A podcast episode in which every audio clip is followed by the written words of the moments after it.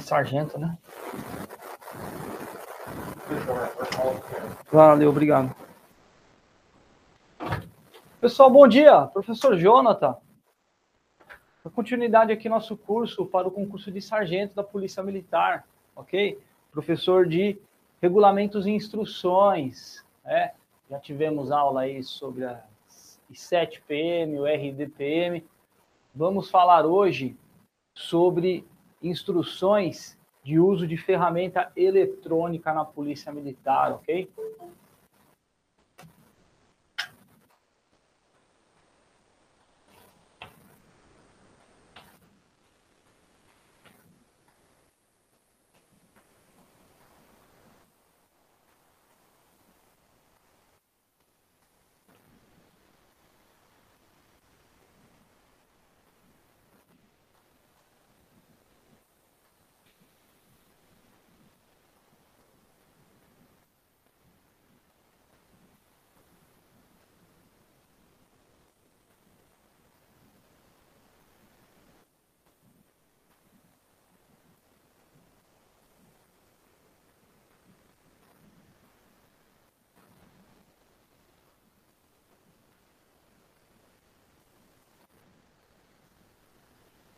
Vamos tratar hoje de duas matérias, tá, pessoal?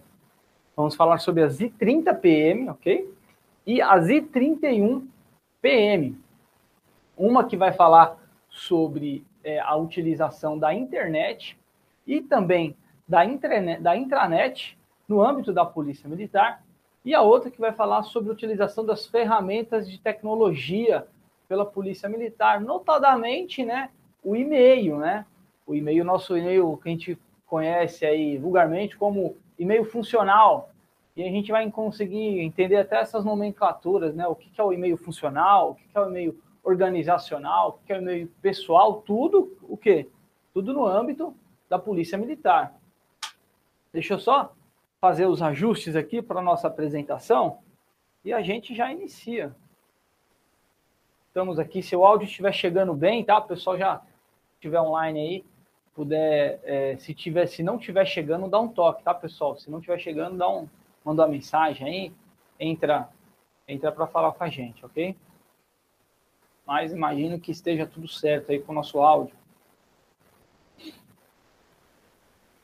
Vamos então falar sobre a I30 PM e I31.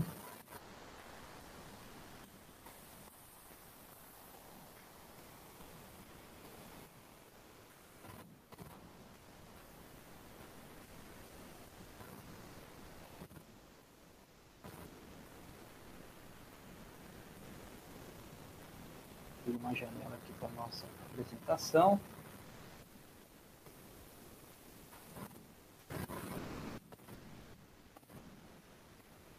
Deixa eu ver se está chegando aí.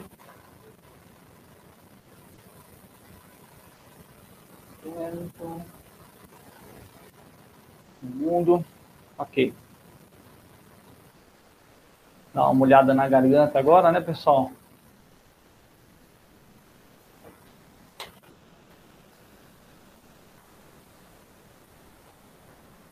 Muito bem, deve estar aparecendo para os senhores aí, ó, né? E 30 PM. Pessoal entrando.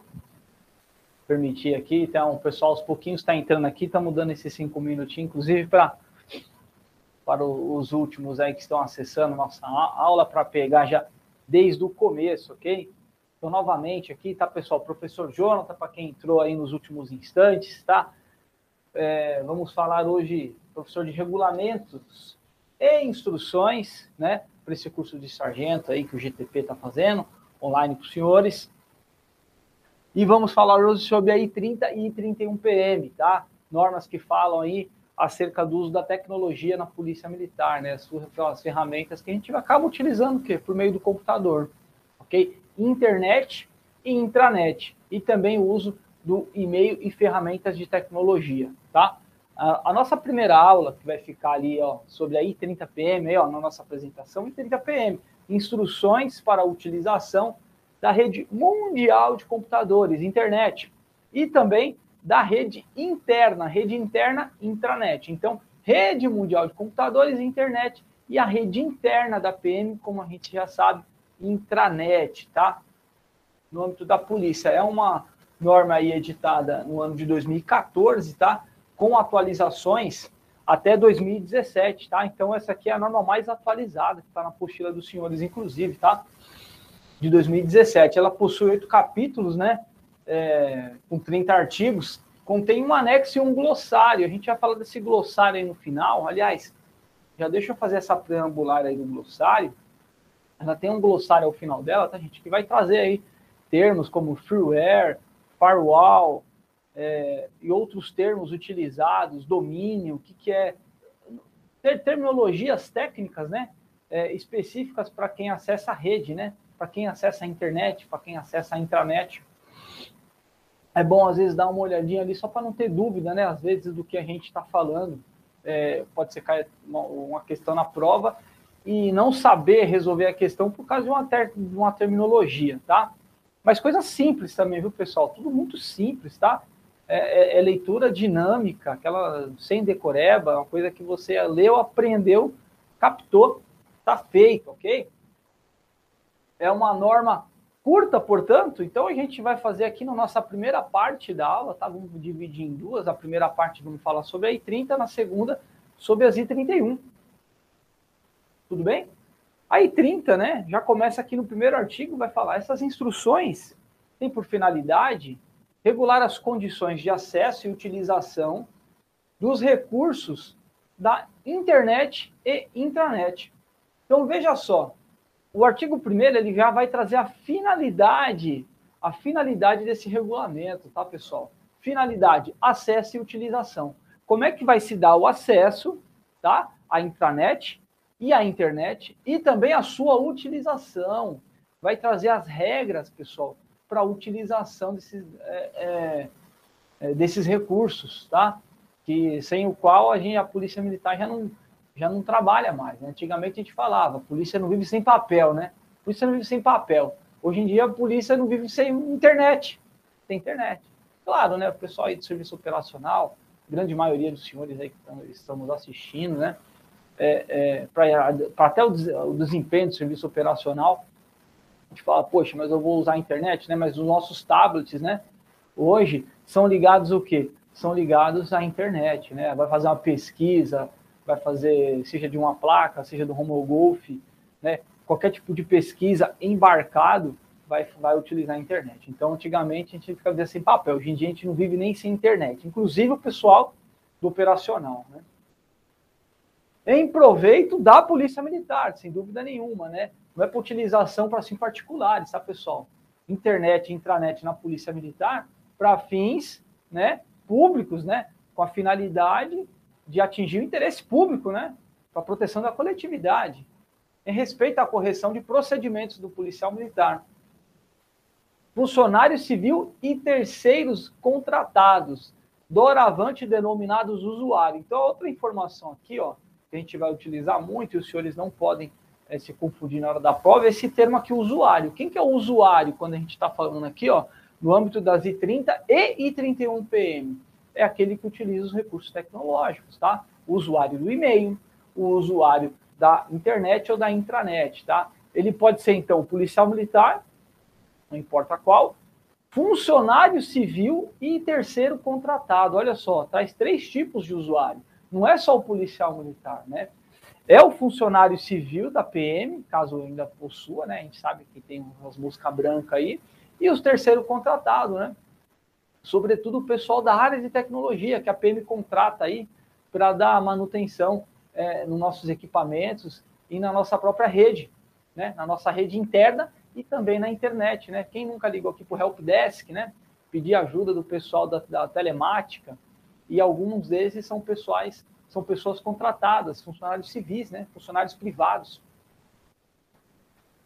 Então, os usuários, no desempenho de suas funções, em particular os recursos de tecnologia da informação e comunicação, TIC, outro, outro termo aqui que a gente já vai utilizar durante toda a nossa aula e para a prova também a gente não pode esquecer o TIC, tá, gente? Quando a gente fala TIC, o que é o TIC? Tecnologia da informação e comunicação, tá? Não se fala mais agora em telemática, tá? Antigamente falava, ah, o telemática, a telemática, problema de TIC, tecnologia da informação e comunicação. Informação e comunicação, tá, pessoal? TIC. De propriedade da Polícia Militar, colocados sob a responsabilidade desses servidores, tá?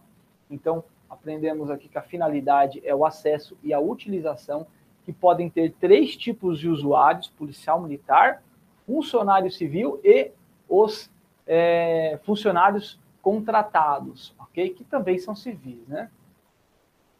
Para utilizar os recursos de tecnologia da informação e comunicação. Muito bem. São objetivos dessas instruções. Bom, o artigo 1 traz o que é a finalidade, o artigo 2 vai trazer o que é objetivo. E no incisos 1 e 2 já traz estabelecer normas sobre gerenciamento e utilização dos sites da internet e da intranet. Então, o objetivo é gerenciar é, e utilizar, estabelecer normas para gerenciar e normas para utilizar. Quem que vai gerenciar? Bom, a própria Diretoria de Tecnologia e Informação, a DETIC, né? DETIC, Diretoria de Tecnologia é, de Informação e Comunicação, Tecnologia da Informação e Comunicação, a DETIC, que vai fazer o gerenciamento tá, dos sites e também a utilização dos sites. Utilização, quem vai utilizar? Os usuários, né? Que a gente já citou quem são os usuários, né? É, é, dos sites aí da internet e da intranet, tá? E no inciso 3 vai dizer coibir o acesso ou a inserção de assunto ou matéria considerada ilícita, contrária à disciplina, contrária à moral e aos bons costumes, bem como atentatória à ordem pública ou que viole qualquer direito de terceiros, buscando, acima de tudo, a utilização mais adequada dos dispositivos, né? A utilização mais adequada do que? Da rede interna e da rede mundial de computadores, da intranet e da internet. Okay? Então, é objetivo também das I30, objetivo, tá, gente? Se cair na prova, o que, que é objetivo? Objetivo é a, também a coibição, né? A, a, a proteção, tá? É, é, Para que não seja realizada inserção de matéria considerada ilícita, atentatória moral e bons costumes, contra a ordem pública, tá? Contra a disciplina, contra inclusive direitos de terceiros.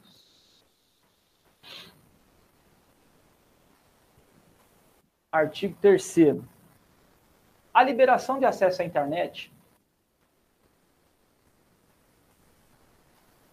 navegação fora dos domínios governamentais, respeitando as políticas de acessos institucionais. Então, a liberação para o acesso à internet, pessoal, é para navegação fora do, dos, do, dos domínios governamentais, respeitando as políticas de acesso, tá? Então a gente vai verificar aqui quais são as políticas de acesso, né? Tudo aquilo que tem por finalidade o interesse público, o interesse da coletividade, ok? Então, quando for a navegação fora dos domínios governamentais. Um, o acesso à internet mediante login e senha ambos fornecidos nos órgãos de ensino da Polícia Militar quando do ingresso da instituição. Então, internet, veja só, intranet e internet, tá? A gente já sabe qual é a diferença de um. Intranet é aquela rede que a gente vai entrar numa página específica da Polícia Militar de acesso somente a quem? Aos usuários, né? Aquelas pessoas que têm acesso. Ou seja, estou no computador de casa, acessei a internet, quero acessar a internet, não vou conseguir. Pode conseguir? Pode, né? Por meio da VPN. A gente vai falar da VPN aqui, né? Mas, regra geral, uma pessoa, quando vai acessar o site da Polícia Militar, tem o site da Polícia Militar, né? O policiamilitar.sp.gov.br. Mas não é a intranet, né? Então, são duas páginas distintas. Uma página da Polícia Militar, que é da intranet, que vai trazer serviços específicos, e uma página dedicada a, a sua divulgação das suas informações, ok?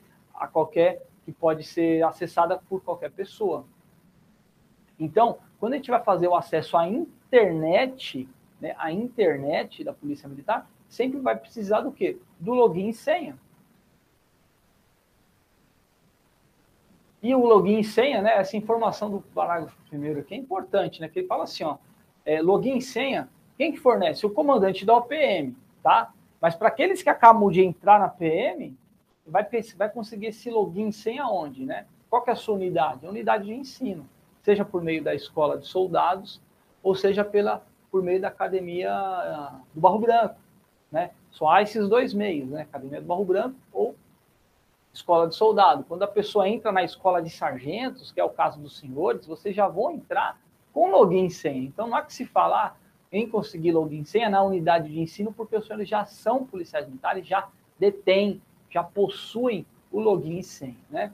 Demais usuários deverão solicitar o acesso ao comandante da OPM. Claro, né? O comandante da OPM é que vai conceder ali a sua, o login e senha. Peraí, professor, mas é.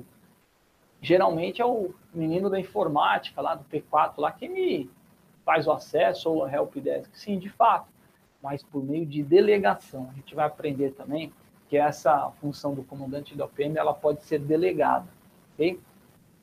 A política de acesso institucional ao site será definida pela Diretoria de Telemática, DETEL, em norma específica. Bom, pessoal, então, ó, quando foi criada lá em 2014 essa norma, e ainda não foi atualizada nesse respeito, era a Diretoria de Telemática, DETEL. Não existe mais a DETEL, tá? Agora é DETIC, tá, pessoal? DETIC. Diretoria de Tecnologia da Informação e Comunicação, tá? Não sei como vai ser pedido na prova isso, se cai alguma questão nesse respeito. Eu acho que eles não vão nem citar é, o órgão direcional, tá? Mas é DETIC, tá? DETEL e DETIC, mesma coisa, tá? Hoje chama-se DETIC, tá? Só não foi atualizada a norma. Então, política de acesso, né? As diretrizes, como serão feitas é, o acesso à internet, à intranet, vão ser designadas por quem?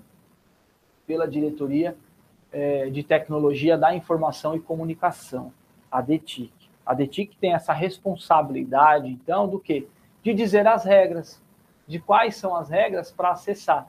Portanto, não é o comandante geral, não é o comando geral e não é o Seconssoc, tá? A gente, quando pensa em internet, pode ser que a gente confunda muito com o Seconssoc. É o Seconssoc que vai dizer as regras que a gente vai ver mais à frente que o Seconssoc ele tem uma responsabilidade no que diz respeito é, as redes sociais.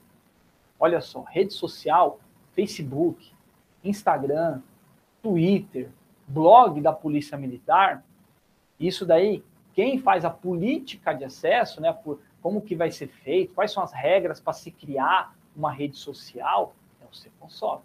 Mas página da internet, pessoal, regra de acesso à internet, que é mais genérico, aí é a DETIC, tá? Não podemos confundir isso, ok? Regra de acesso à internet é uma coisa, de TIC é que cria regra. Regra de acesso para rede social, se consome. Compreenderam? Rede social é uma coisa, página de site é outra, ok? Deixa eu só tirar aqui, deixar no silencioso meu celular, pessoal, também. Chegou meio atrasado aqui, fica meio atabalhoado. Tá, tudo bem.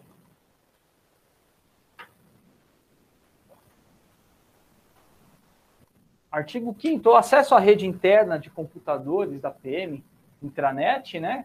A gente já viu, será realizado por meio dos seguintes canais. Como é que a gente vai acessar a intranet? Então, link Intragov. Esse aqui é o principal, tá, pessoal? Principal, link Intragov, canal de comunicação das OPM.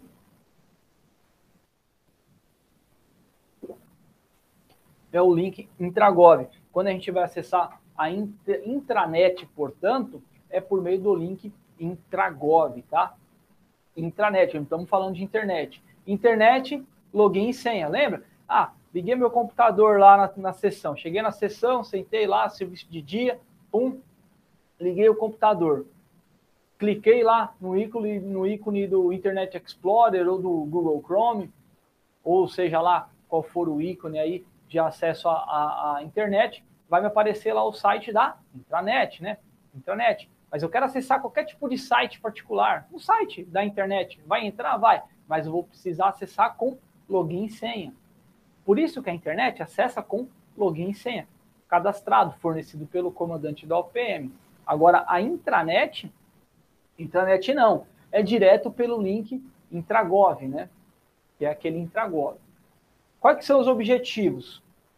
Fornecer conectividade aos servidores prestados pela instituição hospedados no data center da Polícia Militar. Então, aqueles serviços prestados pela instituição, serviços de tecnologia, são hospedados aonde? No data center, tá? Essa é uma informação que dificilmente vai pedir em prova, né? Mas só para a gente ter uma noção geral, né? Qualquer tipo de, de, ferramenta de tecnologia que a gente vai utilizar, né? É, no âmbito da Polícia Militar, claro, né? Vai estar tá lá o quê? Hospedado no data center da Polícia Militar, né? O SRH, Copom Online, né? A própria é, intranet, né? Data center da Polícia Militar. Permitir a interligação com os demais órgãos do Estado e entidades correlatas, né? Claro, né? A gente está dentro do site da intranet, a gente consegue acessar outros órgãos do Estado também, ok? Site do Tribunal de Justiça, site do Tribunal de Justiça Militar, outros, outras secretarias de Estado, fornecer acesso à rede internet. Então, pelo link Intragov, a gente acessa a intranet, né? Claro, né? A gente acabei de falar aqui, a gente liga o computador lá na sessão do serviço de dia, é o acesso à intranet, a rede interna. Mas por essa, a gente consegue acessar a internet por meio de login e senha. Por vezes a gente já deixa lá o login senha, ele já entra direto, já está cadastrado, né? Acesso à internet. E o outro meio para acessar a rede interna é o VPN, né? A gente falou então, primeiro link intragov, que é o que? É o cabeado, né? É aquele cabeado que a gente tem acesso dentro do quartel, dentro da nossa exceção, dentro do serviço de dia. Agora eu quero estar em casa. Eu estou lá no meu recanto do meu lar, eu quero ter acesso à intranet, olha só. Né? E também a internet fornecida pela Polícia Militar, é, é, mais de casa. Aí eu vou precisar usar o Virtual Private Network. Virtual Private Network, né? que é a sigla do VPN, que nada mais é do que a rede é, é, privada virtual. Portanto, é uma rede de cunho privado, pessoal, particular. Por isso que VPN, né? VPN de particular. Então, é rede privada é, é que é virtual. O acesso, então, por meio de VPN, tá? caracteriza-se pela utilização da infraestrutura de uma rede pública para acesso ao conteúdo da intranet PM. Essa rede pública, né? Claro, a rede contratada. Você precisa ter acesso. É, é... Você precisa ter acesso à internet. Você precisa ter uma rede, uma rede de acesso à internet. Então você tem acesso a uma rede e vai é, é conseguir ter acesso ali à, à à internet fornecida pela PM por meio da VPN com a conexão à internet. Não adianta você estar na sua casa e não ter acesso à internet. Tem que ter acesso a uma rede pública, né? a uma internet. Constituindo uma via virtual por onde os dados trafegam de modo seguro por criptografia, conforme o protocolo utilizado. Né? E é bom sempre lembrar que mesmo que esse acesso por meio da VPN também vai estar criptografado, portanto, protegendo os dados aí de acesso à nossa intranet e internet. A utilização da rede VPN destina-se ao acesso excepcional e temporário. Então, essa aqui é outra informação importante que a gente precisa levar para a prova. Se cair alguma coisa com relação ao acesso por meio da rede VPN, o que, que a gente precisa pensar é temporária e excepcional. Né? Eu não posso utilizar o VPN é, é como meu acesso principal. O acesso principal qual que é, pessoal? Link intragov, acabamos de falar. Vou acessar a intranet, então, da Polícia Militar. Acesso principal, link Intragov. Acesso secundário, excepcional e de forma temporária, aí sim, rede VPN. Compreendido? Tranquilo? Rede VPN, então, excepcional e temporário. Link Intragov é o nosso principal. E isso a gente tem que ir para a prova já na cabeça, ok? Os senhores não vão esquecer mais. Se cair, não vão errar, tá? direcionado exclusivamente ao policial militar do serviço ativo, de modo individual e não compartilhado. Olha só outra informação importante, né? A rede VPN, o militar inativo pode ter acesso? O antigão lá, aposentado? Não pode, né?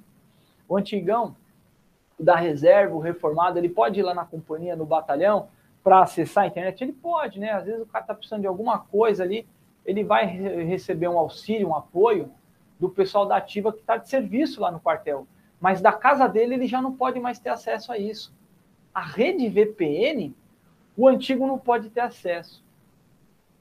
Ainda hoje nós vamos falar da utilização do e-mail e a gente vai perceber que o aposentado também pode ter acesso ao e-mail, né, o inativo. O inativo ele pode continuando, ele pode continuar a ter acesso pelo e-mail dele, esse e-mail pessoal da Polícia Militar que ele tem, né, que a gente chama de e-mail funcional, a gente vai ver que tem uma diferença, né? Então ele pode continuar usando, utilizando o e-mail dele, mas não pela rede VPN, pessoal. A gente quando acessa a internet, no site da Polícia Militar, não tem o link lá serviços ao PM, por meio desses serviços OPM, isso daí não vai cair na prova, tá? Não está dizendo aqui, não, tem, não é constituído nem da I30, nem da Z30, mas a gente sabe, né? Quero consultar meu olerite, né? Quero ver meu e-mail, né? Por meio da internet. Consigo? Consigo fora do quartel. O antigo também, está aposentado, ele vai conseguir isso. Mas o acesso à rede intranet, isso ele não vai conseguir mais, tá, pessoal? Só o pessoal do Ativa, mesmo de casa. Estou lá na minha casa, vou ter acesso à utilização da rede VPN? Pode, pode, né? Só pessoal da ativa, tá? Então, VPN excepcional e temporário e somente o pessoal da ativa, né? De modo individual e não compartilhado. Eu não posso compartilhar essa rede, claro, né, pessoal? Diante da comprovada necessidade do serviço e quando houver a constatação tem. Então, quando é que eu vou utilizar a VPN? Impedimento técnico da instalação Intragov. Bom, estou lá na minha OPM, acabei de mudar, companhia nova, criou uma companhia, cheguei na companhia lá, estamos estruturando ainda, o capitão cheio de coisa para fazer, você auxiliar da auxiliar ali do, do, da administração da companhia, do batalhão, está criando ali a companhia, não tem ainda o acesso cabeado para ter o acesso do link Intragov. Bom, não estou com acesso Intragov, posso utilizar o VPN, ok? Até que seja resolvido. Então, por impedimentos técnicos. Segundo item, mudança de endereço, né?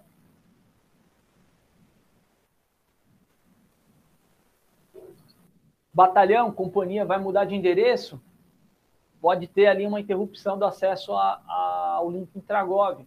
Aí eu vou fazer o acesso pela rede VPN. Interrupção prolongada da disponibilidade do acesso por link Intragov, né? Seja lá qual for o motivo, né? Interrompeu, interrompeu, então posso ter acesso ao VPN. Comprovada a necessidade de utilização do equipamento em ambiente estranho à administração policial militar, mediante prévia autorização. Essa necessidade comprovada de utilização em ambiente estranho é a sua casa, por exemplo. Sua casa, né? Ou você instalou lá no seu computador, foi lá é, em qualquer lugar que tenha ali acesso a uma rede a, a internet para você ter acesso por meio do, da rede VPN. Ok? É, então, esses são, são os casos aqui. Toda vez que eu não conseguir, então, utilizar o acesso por meio do Intragov, eu vou utilizar pelo VPN. Ou mediante autorização. Então, quando eu consigo aquele acesso lá, eu consegui o acesso por meio do VPN aqui no meu computador particular, e eu estou acessando de casa. Quem que autoriza isso daí? Comandante da OPM, tá, pessoal? Comandante da OPM, tá? Mediante prévia autorização. Artigo 7 a solicitação da rede VPN deverá ser feita por meio da central de serviços de TIC, né? Central de serviços, central de serviços de TIC. A gente consegue por meio qual que a gente consegue por essa central de serviços? A gente citou aqui o helpdesk, né? Não tem lá o 0800 né? Quando acessa a intranet, não tem um 0800 lá, helpdesk, tá? Tô com um problema técnico aqui na internet, no meu computador. Você liga para quem? Para o helpdesk, né? Quando o, o, o, polícia aí designado como é, o auxiliar de informática aí da seção ou do batalhão não pode, é, não está conseguindo resolver, ou liga direto, né? Às vezes para o helpdesk ele já consegue resolver ou por meio de mensagem, né? Ou por meio de ligação a gente consegue acesso a essa central de serviços, né, de tecnologia da informação e comunicação. Então, acesso, né, a solicitação é por meio dessa central de serviços, ok? Que vai autorizar ou não. Compete ao comandante-chefe ou diretor da OPM, Organização Policial Militar, autorizar, mediante decisão fundamentada, o acesso de praças, funcionários civis e prestadores de serviços à rede VPN. Então, veja só, pessoal.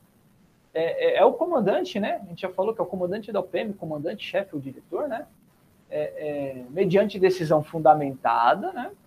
Dá acesso à rede VPN. E ele fala quais são os usuários que ele autoriza: funcionários civis, prestadores de serviço, né? Que são aqueles prestadores de serviço contratado, pode ser, e as praças. Não tem oficial. Perceberam? Então, se cair uma questão dessa daqui, há praças e oficiais, então, em tese aqui, ó, o oficial não tem essa, essa, essa necessidade de autorização é, é, do comandante da OPM para acesso VPN.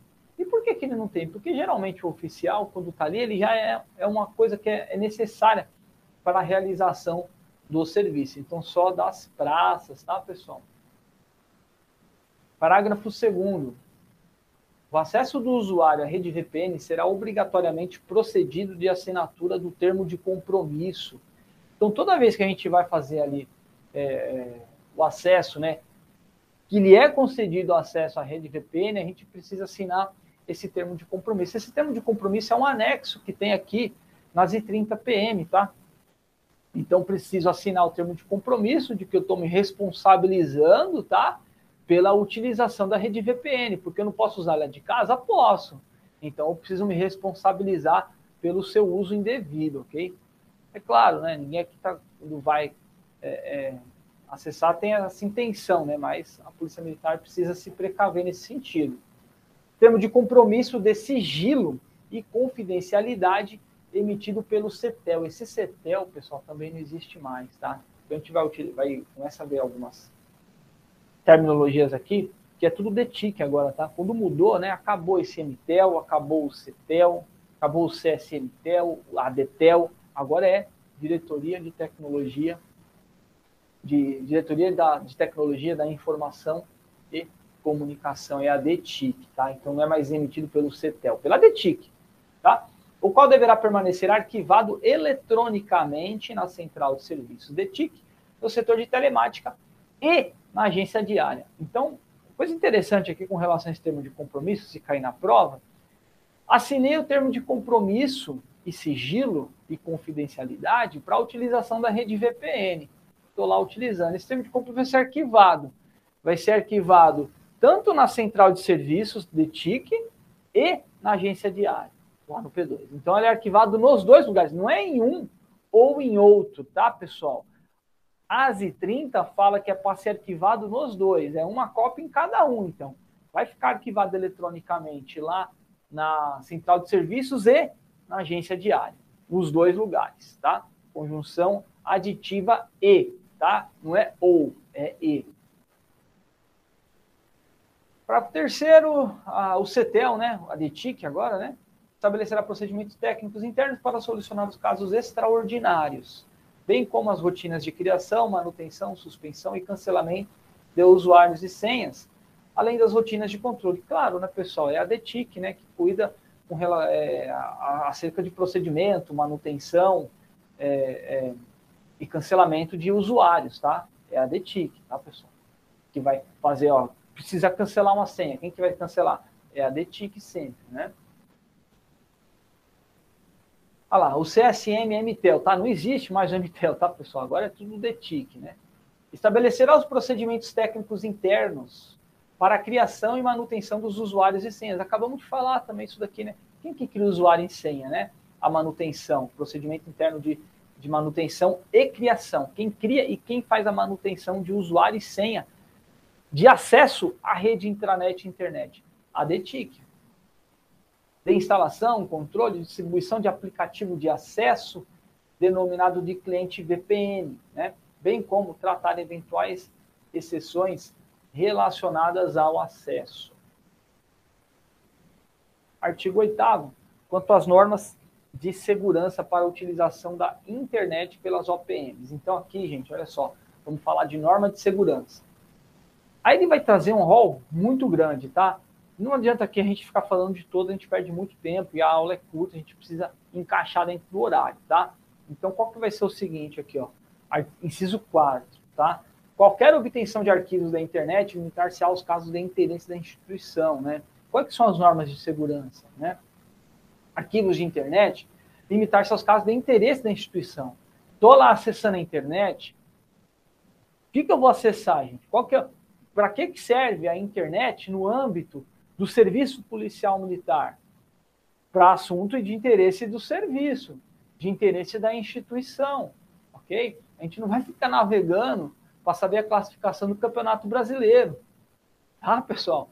Eu não vou ficar ali é, é, acessando para ficar é, acessando jogos online, né? Não pode, né, pessoal?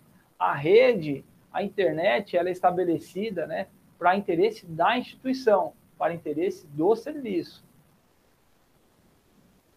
Todo usuário é responsável pela segurança da informação que manipular, bem como pelos recursos de informática ou de comunicação que utilizar, sem dúvida nenhuma. Né? Cada um é responsável por aquilo que está utilizando ou manipulando, né? Porque, inclusive, nós temos dados, né? Dados é, é, é, sigilosos, né? Com relação à intimidade das pessoas. Quando a gente fala dado sigiloso, é dado é, é, é, de informação de outras pessoas, inclusive. Quando a gente acessa a rede intranet, a gente pode, inclusive, ter acesso a dados de policiais militares, dados esses sigilosos, que não devem ser publicados, ok? Seis, é vedado o uso de recursos de de criptografia, hardwares ou softwares não homologados pela Polícia Militar. A Polícia Militar usa os dados de criptografia? Usa. Mas aqueles que a própria Polícia Militar tem e utiliza.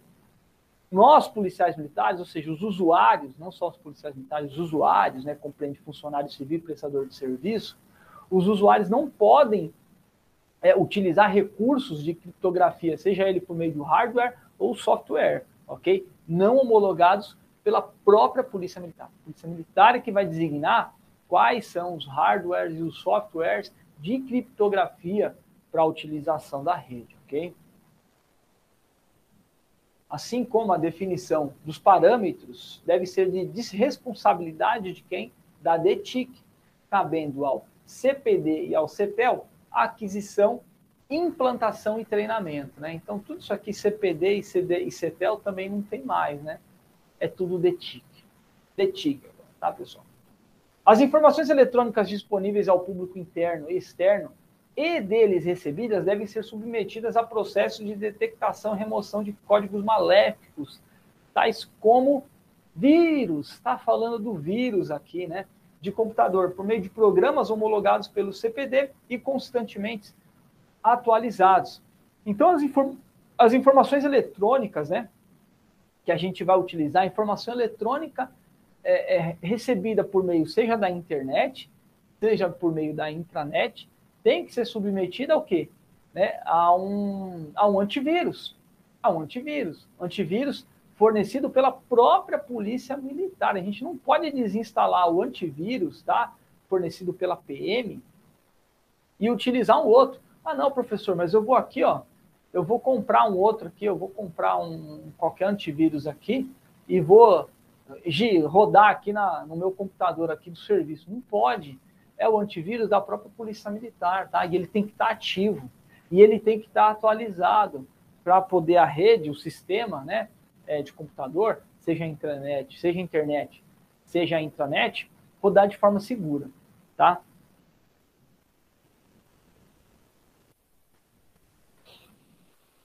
Artigo 9 não serão permitidas, não são permitidas ligações remotas aos equipamentos da rede interna da UPM, oriundas de pontos externos à rede corporativa da Polícia Militar. Mesmo que para fins de administração por parte do responsável pela gerência da rede, exceto nos casos de acesso por meio VPN, né?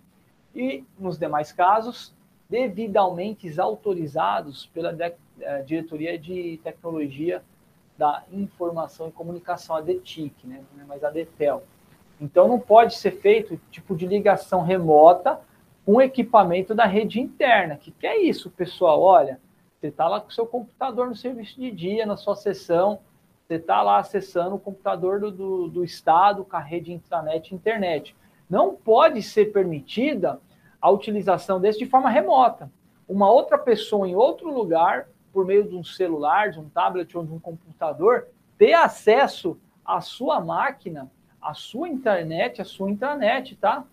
Isso daí é proibido, é vedado, tá? Só quem pode autorizar esse tipo de, de utilização é, recurso tecnológico é a própria DETIC. É isso que está falando aqui o artigo 9. Às vezes cai uma questão lá meio é, é, é, contextualizada no cotidiano da Polícia Militar. Você, durante a sua sessão, precisa resolver um problema de tecnologia e contrata, é, sei lá, um técnico em informática privado, né, fora da PM, e ele vai remotamente tentar consertar o seu computador. Não pode, ele não pode ter acesso remoto, nem para fins de manutenção, tá? Só se for autorizado pela DETIC, pessoal. Só se for autorizado pela DETIC. E seja para qualquer outro tipo de função. Ah, o cara vai. É, o, o, sei lá, o presidente consegue, né? O, o, o, investigador de polícia lá do DP, que é meu camarada, ele vai me ajudar aqui no seu que, ele vai ter acesso remoto. Não pode ter acesso remoto aos computadores da Polícia Militar para acesso à internet, intranet, tá? É isso que está falando aqui o artigo 9, tá, pessoal? Artigo 10. A fim de controlar a utilização do sistema informatizado da Polícia Militar, todos os usuários devem possuir senha de acesso individual corporativa. Claro, né, pessoal? Isso a gente já sabe. Cada um tem uma senha. Cada um tem uma senha. Cada um é responsável por sua senha, por seu login e senha. E eu posso emprestar minha senha para o coleguinha? Não posso. Não posso emprestar minha senha para o chefe da sessão. Vocês, senhores lá, encarregado da sessão, sargento, terceiro sargento, encarregado da sessão. Ah, vou emprestar a minha senha para o soldado aqui para ele acessar, que não pode, é senha individual, cada um tem a sua, ok? Compete ao usuário observar rigorosamente os procedimentos de segurança estabelecidos quanto à confidencialidade da sua senha. Acabei de falar. Posso emprestar senha? Não posso. Posso revelar a minha senha para o amigo? Não posso a qual é pessoal e intransferível, não posso transferir, através do qual pode efetuar operações a ele designadas nos recursos computacionais que acesse. A gente sabe que por meio da nossa senha, né, a gente tem a tal da senha do proxy, né, e a senha da internet, né, senha que a gente acessa é, é folha de pagamento, né, é, recursos EAD, a aba procedimentos e a senha da internet e intranet, que são diferentes, né, sendo a senha de acesso ao proxy e a senha de acesso à internet. Tanto uma quanto a outra é pessoal e é intransferível. E com essas senhas a gente consegue acessar aos recursos de tecnologia da polícia, já falei aqui, né? SRH, Sistema de Recursos Humanos da Polícia Militar, Copom Online, né? Que tem informações atinentes ali ao planejamento operacional da Polícia Militar, né? Pode dar BO isso daí, cuidado, entendeu, pessoal? Não posso revelar a minha senha por conta disso. O né, o sistema é, é, de informações da Polícia Militar, informações pessoais dos policiais militares, pessoais atinentes ao serviço, né, mas de cunho individual.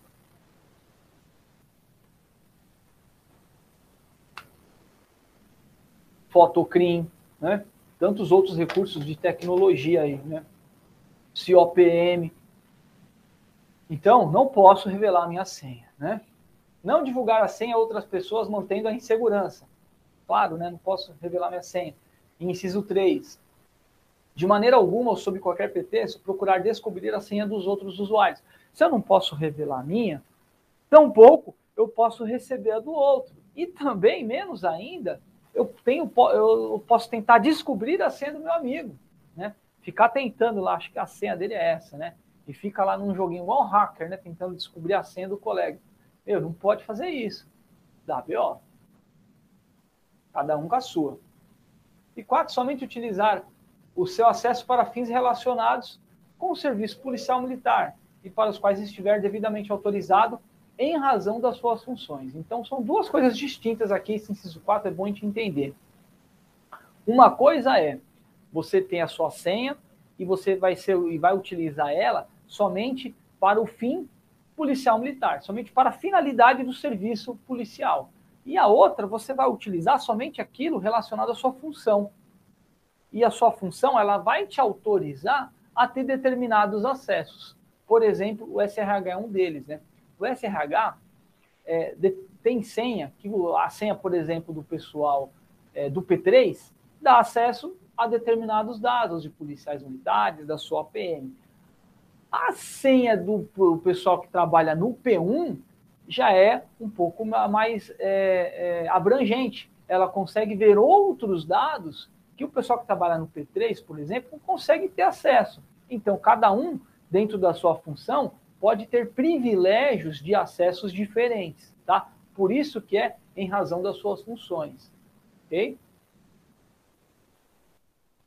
Responder em todas as instâncias pelas consequências das ações ou omissões de sua parte que possam pôr em risco ou comprometer a exclusividade de conhecimento de sua senha ou das transações que tem acesso. Então, qualquer ação ou omissão que você faça, né, que coloque em risco, que comprometa a exclusividade do acesso à rede de internet, internet, você pode ser responsabilizado, né? E fala em todas as instâncias. Que instâncias são essas, né? Instância civil, instância penal e instância administrativa. Né? Precisamos aqui discorrer sobre o quais, sobre, sobre, sobre as consequências dessas. Né? Você pode ter um crime, portanto, pode ser responsabilizado disciplinarmente e até o que? Civilmente. Né? Utilizar as informações às, às quais tem acesso somente em razão do serviço. Né? Já acabamos de falar isso daqui. Né? Você vai usar aquilo lá para o serviço.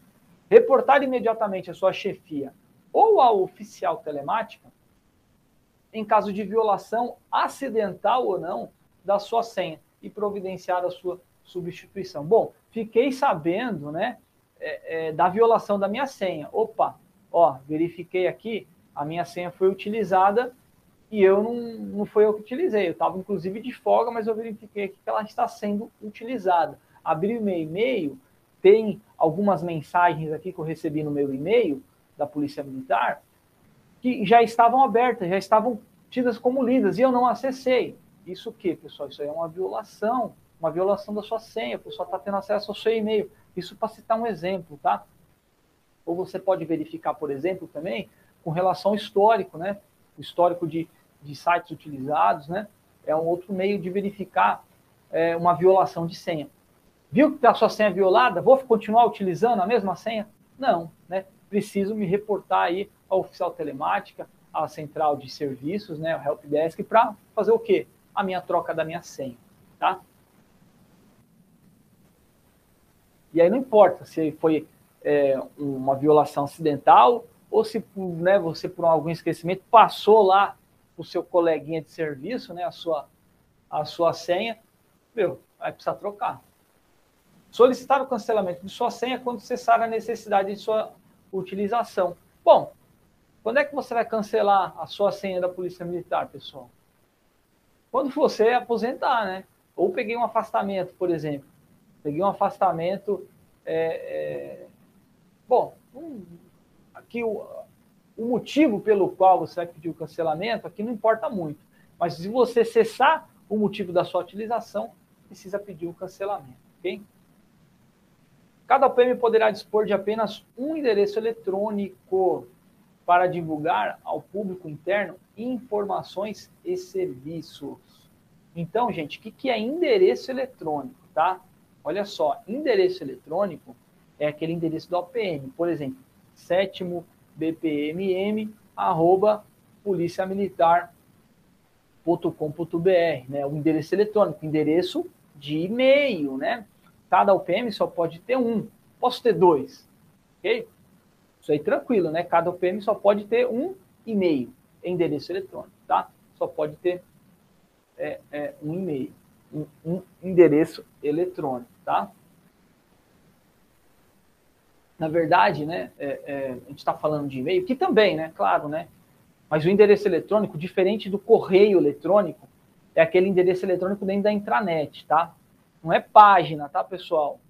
É um endereço. O endereço eletrônico, a Polícia Militar, ela só tem um também, Polícia Militar. Dentro da aba da Polícia Militar, você pode ter acesso ao endereço eletrônico das OPMs. Ok? Cada um com uma. Parágrafo único. Se o comandante da OPM julgar conveniente e oportuna a criação da página na intranet, deverá respeitar a padronização provida pelo Seconsop e as demais normas vigentes no âmbito da Polícia Militar. Então, essa página na intranet da OPM não é nada mais do que o próprio endereço eletrônico. Tá? Então, o endereço eletrônico, a página é a mesma.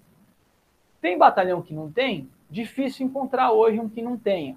Mas pode ser que não. Pode ser que tem batalhão criado, o BAEP, por exemplo, acabou de criar. Não tem endereço eletrônico. Não tem uma página na internet. Mas se for criar, tem que seguir uma padronização. PM é padronizado, pessoal. A gente segue regulamento. Princípio da legalidade estrita, né? Princípio da legalidade aplicada à administração pública. A gente segue aquilo que a lei manda, a gente segue padrão, a gente segue regulamento, né? Tá claro isso. Mas quem que normatiza isso? Não é a DETI, que é o Seconsol. Olha que confusão. Então, quando a gente fala de padronização de página da intranet, pessoal, da internet, é o Seconsop que faz. Norma de acesso, norma de utilização é a DETIP, tá? Mas o padrão, como é que tem que ser feito o logo? Como é que tem que ser distribuídos os links? Quais os tipos de serviços que pode dar acesso? Essas padronizações de cores que podem ser utilizadas, de fonte, é, é, modo de escrita, é o Seconsoc. O Seconsoc também é responsável por normatizar a criação, por exemplo, de rede social. Então, a rede social é, é, da Polícia Militar e da sua unidade, por exemplo, tem lá o seu batalhão, tem lá uma rede, no, tem uma rede, tem uma conta no Facebook. O, a sua unidade ela tem uma conta no Instagram. Quem que determina essas normas? Não é a DETIC, aí é o Seconsoc porque são regras ligadas ao que? A publicidade da Polícia Militar. A comunicação junto à sociedade. Então, a comunicação junto à sociedade é comunicação social. É o SECOMSOC, que é o Centro de Comunicação Social da PM. Ok?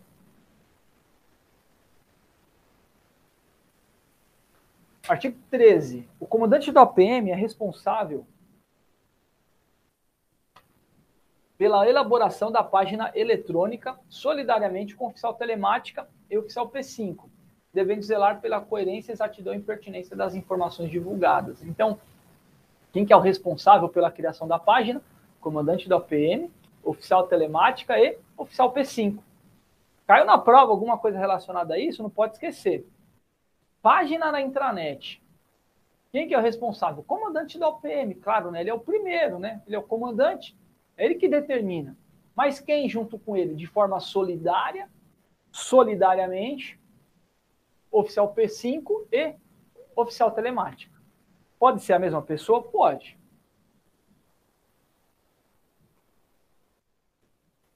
Parágrafo 1. Em hipótese alguma, deve ser disponibilizada por meio de página eletrônica na, intranet, na internet ou na intranet dados ou informações que possam expor ou comprometer a segurança da instituição, bem como informações ou imagens que possam caracterizar promoção social, promoção pessoal.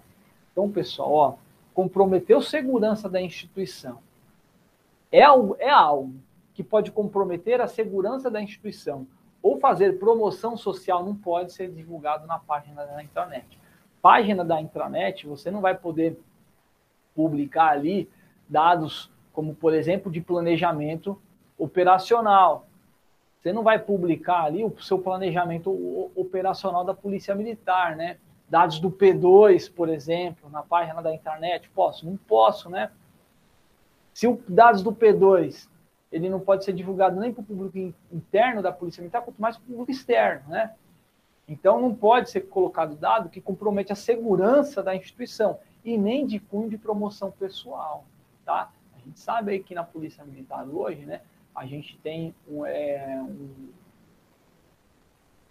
uma linha muito forte, né, de policiais militares aí que, que, que, buscam promoção pessoal em razão da sua função, né, youtubers, né, pessoal aí que tem muitos seguidores nas, nas redes sociais, pessoal que tem canais é, é, de comunicação na, na internet, por meio do YouTube ou por meio de alguma outra rede social, policiais militares engajados politicamente, né, que notadamente aí às vezes é, é, é se colocam aí na posição de candidato para concorrer a algum cargo eletivo, ok? Mas tudo isso daí que o policial militar faz no seu horário de folga, né, de forma particular, né, não ofendendo aí os valores morais da polícia militar, que é válido, né? Portanto, é válido.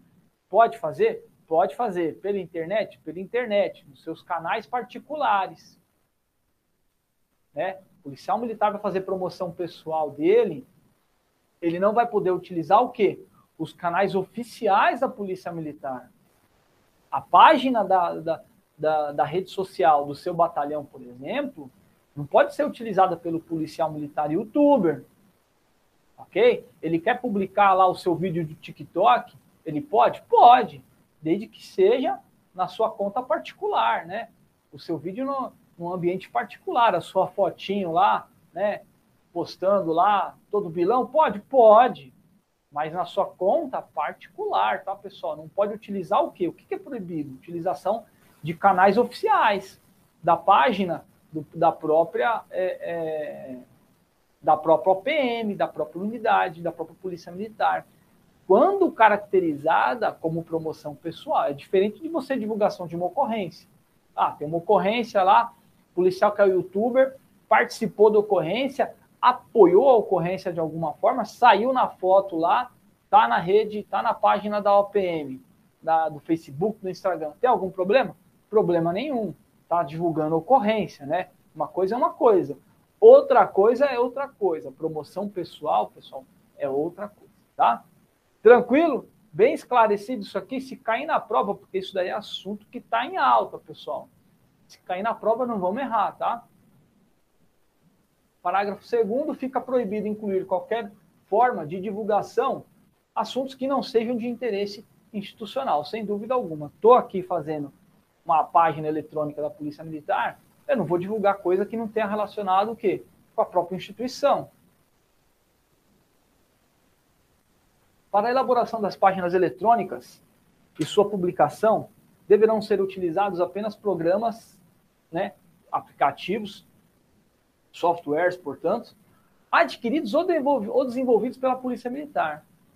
A gente já falou disso, né, quando falou é, inclusive do o, o antiviral, o antivírus, aplicação de antivírus, utilização de criptografia, ou qualquer software que a gente for utilizar na página da internet, pessoal, é, na, na, página eletrônica da, da OPM, né, no endereço eletrônico, é aqueles permitidos, utilizados, criados, concedidos pela Polícia Militar.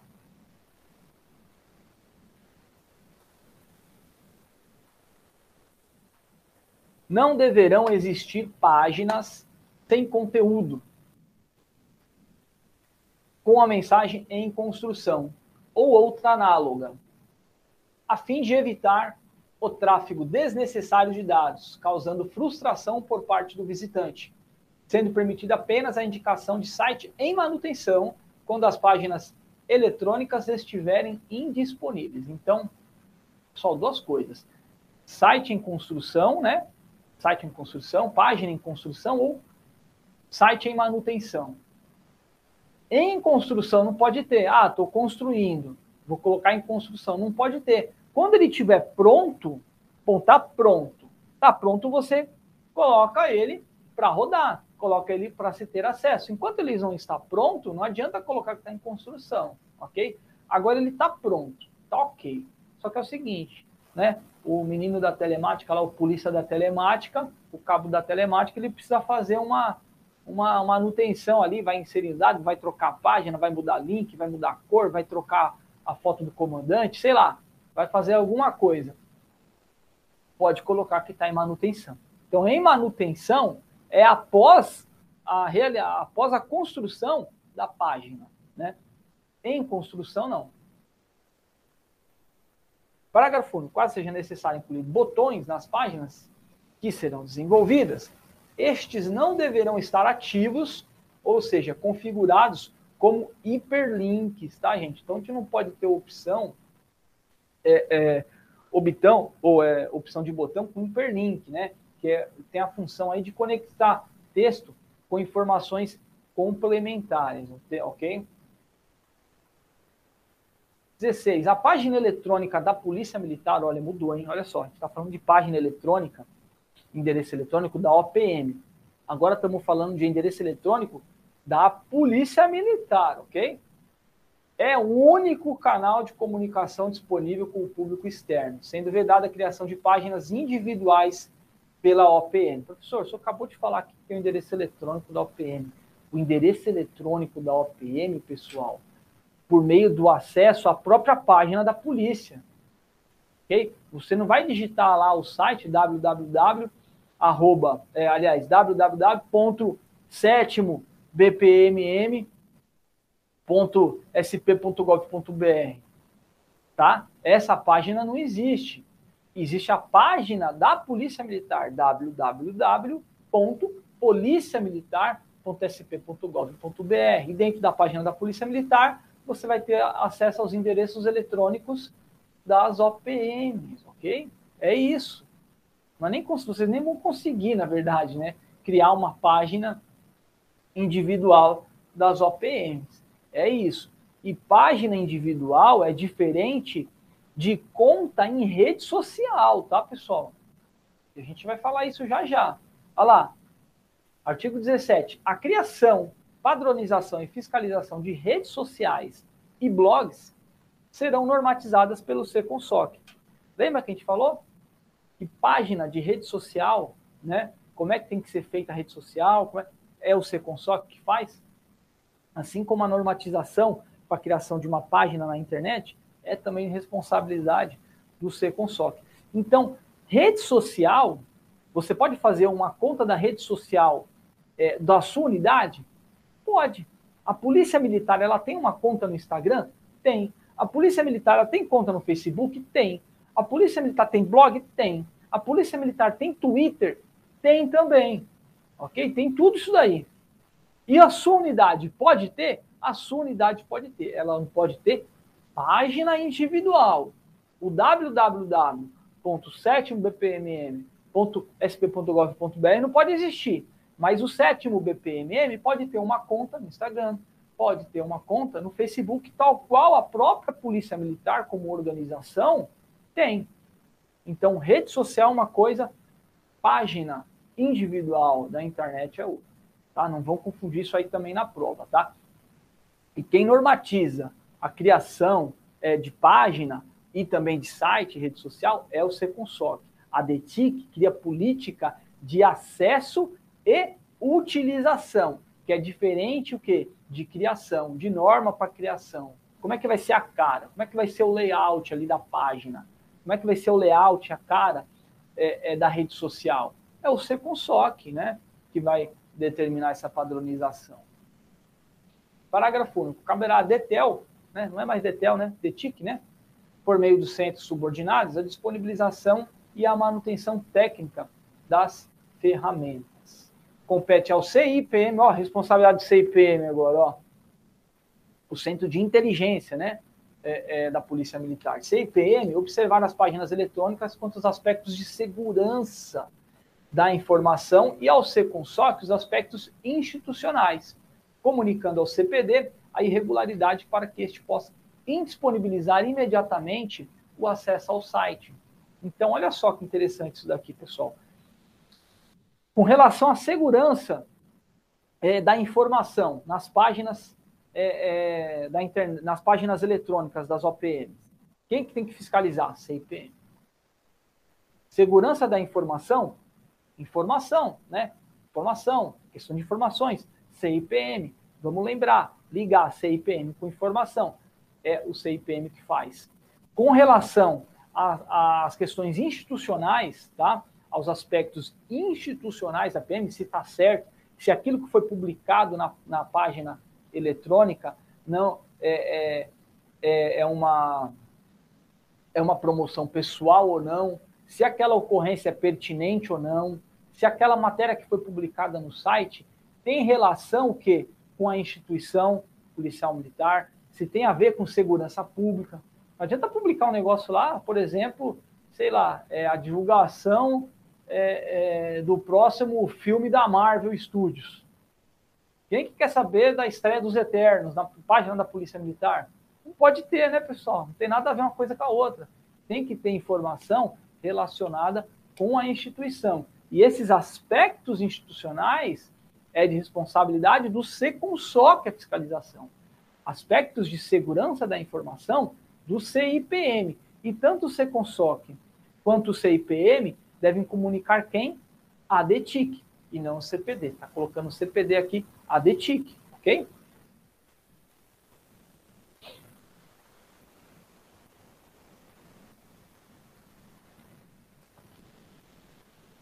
Compete a qualquer policial militar informar via canal de comando a inobservância dessas comunicações, dessas instruções.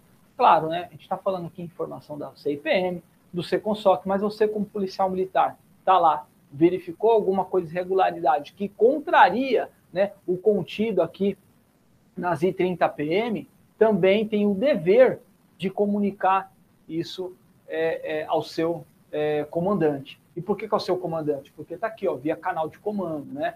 Eu verifiquei alguma irregularidade. Ah, eu não vou ligar para a DEDIC diretamente, mandar uma mensagem para a DEDIC. Não.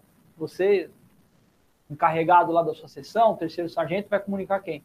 Ao seu chefe, né? oficial-chefe da sessão, e assim por diante, né? Via canal de comando. Não é canal técnico, então. Verifiquei alguma irregularidade na página da internet, em site em, em conta de rede social, comunicação via canal de comando, ok, pessoal? Agora, artigo 24, ó. O comandante da OPM é responsável pela interação da OPM por meio eletrônico com o público externo, devendo as mensagens eletrônicas recebidas pelas OPM serem tratadas e respondidas conforme normas contidas nas I31, podendo essa função ser delegada ao oficial P5 da OPM. Olha só, então, as mensagens eletrônicas que a gente vai estudar lá nas I31PM é, pode ser delegada para o oficial P5. Ele fala que é responsabilidade do comandante da OPM essa comunicação o quê? com o público externo. Mas é claro, né, o oficial P5 está aí para isso, né, pessoal? É a função do oficial P5, né, do pessoal que trabalha lá no P5 fazer essa comunicação, e por isso pode ser delegado. Ok? Aspectos técnicos de segurança da informação, tais como assinaturas digitais, sistemas criptográficos, bem como outros que sejam necessários de acordo com a realidade corrente, serão detalhados em documento normativo específico elaborado pela DETIC, né? aspectos técnicos de segurança da informação, tais como assinatura digital, sistema criptográfico, bem como outros que sejam necessários de acordo com a realidade corrente, serão detalhados em documento normativo específico para a DETEL.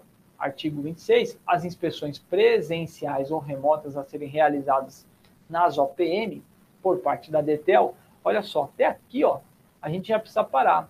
Então, pode ser feita inspeção presencial inspeção remota pela DETIC na sua internet, nas suas páginas eletrônicas, na rede de computador do seu batalhão, da, da, ou da, da sua companhia ou da sua seção. E isso pode ser feito, pessoal, presta atenção, tanto fisicamente, o que? Vai lá um pessoal da DETIC, lá na sua, no, no seu batalhão ou na sua companhia, fisicamente para ver. E pode ser feito de forma remota, que, que é a forma remota? A gente já explicou lá atrás. Estou lá com o meu computador. Eles lá da DETIC vai ter acesso ao seu computador de forma remota. Vai continuar, vai poder utilizar, acessar os arquivos e as páginas eletrônicas e a, a rede interna e externa, intranet e internet, de forma remota, ok? De outro lugar, de forma virtual, né? É, sob delegação do subcomandante PM. Portanto, essa intervenção do pessoal da DETIC não é o comandante da DETIC, ou é, o tenente, ou o capitão lá da DETIC, ou o sargento da DETIC que vai fazer essa intervenção. Né? É uma intervenção mas é feita por delegação do próprio subcomandante da Polícia Militar. Tá? Então, aqui, o artigo 26 é, das I-30 é, é, determina, né, já expressamente faz essa delegação do subcomandante para o diretor da DETIC, ok? Deverão ocorrer de forma sistemática e periódica, com o intuito de verificar se as normas constantes dessas instruções, das I-30, e de documentos normativos complementares, estão sendo executados corretamente. Então, para qual é a finalidade dessa inspeção? Né? Por que, que a DETIC pode vir até de forma remota fiscalizar o, o, o computador e o acesso à internet e à intranet da sua seção, é, da sua companhia ou do seu batalhão, tá? Para verificar se as normas das 30 estão sendo corretas, né? Para saber se está sendo, é, se não está tendo violação de intimidade, se não está tendo violação aos valores morais da polícia militar, a violação do, é, da moral dos bons costumes, da ordem pública, né? Aspectos disciplinares, para se verificar se não está havendo promoção pessoal por determinado público interno, ok? Pode ser feito? Pode, ok? E, inclusive, normativos complementares. Ele fala, verificar se está sendo as normas das I30 estão sendo seguidas e informações complementares. Às vezes pode ter algum OS, tá? Que está normatizando determinada utilização é, da internet ou da intranet. Pode ter alguma diretriz, tá?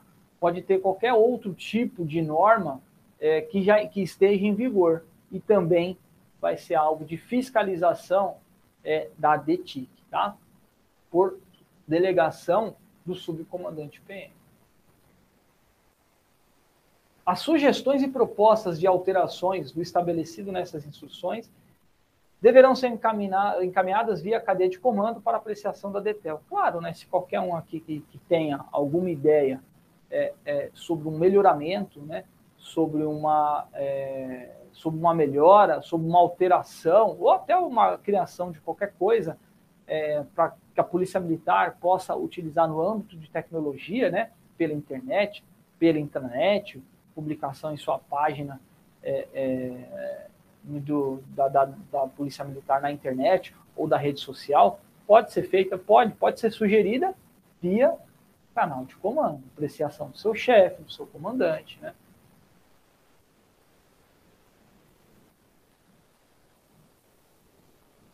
E artigo 30, pessoal, todo o conteúdo publicado nas ferramentas institucionais descritas nesta instrução não poderá, né? O que, que não poderá? Todo o conteúdo publicado nas ferramentas institucionais. Quais são as ferramentas institucionais? Né? A própria página eletrônica da Polícia Militar, as páginas, os endereços eletrônicos aí das OPMs e qualquer outro é, é, recurso tecnológico aí que a Polícia Militar utilize. Não pode ferir legislação pátria em vigor, né, em qualquer de suas esferas. Que esferas?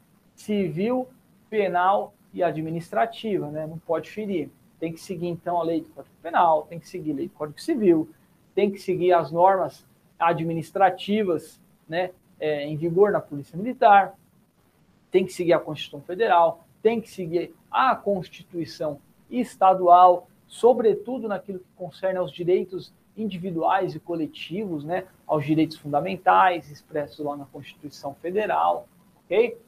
Inclusive seguir as normas atinentes à administração pública, né, seja da Constituição Federal, seja da Constituição Federal, e nesse nessa seara aqui a gente faz um alerta, né, que é, essas, essas normas institucionais, né, que devem ser seguidas com relação à prática e utilização da internet e da internet, tem que seguir aqueles, aqueles princípios da, da administração, né, os princípios expressos, tá, pessoal? Legalidade, pessoalidade, moralidade, tem que seguir ali a publicidade, a eficiência, né, finalidade, interesse público, ok? Não poderá ser caluniosa, injuriosa ou difamatória. Você não pode fazer publicação em rede social e em página é, é, da internet, da sua PM, é, é para difamar alguma pessoa ou alguma instituição, para injuriar ou até caluniar alguma instituição ou alguma é, pessoa física. Né? Portanto, seja pessoa física, seja pessoa jurídica, seja de pessoa física de direito público ou pessoa física ou pessoa jurídica de direito público ou privado, não importa, né?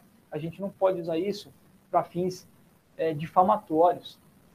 Ser contrário à moral, à ética e aos bons costumes, como a gente já é, citou aqui, ok?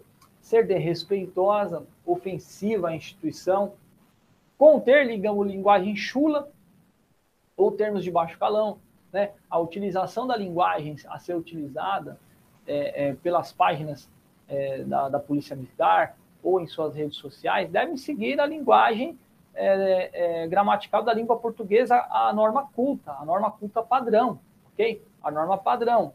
É, a norma padrão de uso corrente, tá? Quando a gente fala da norma culta, não precisa ser nada rebuscado, né? Utilizar termos muito técnicos, né?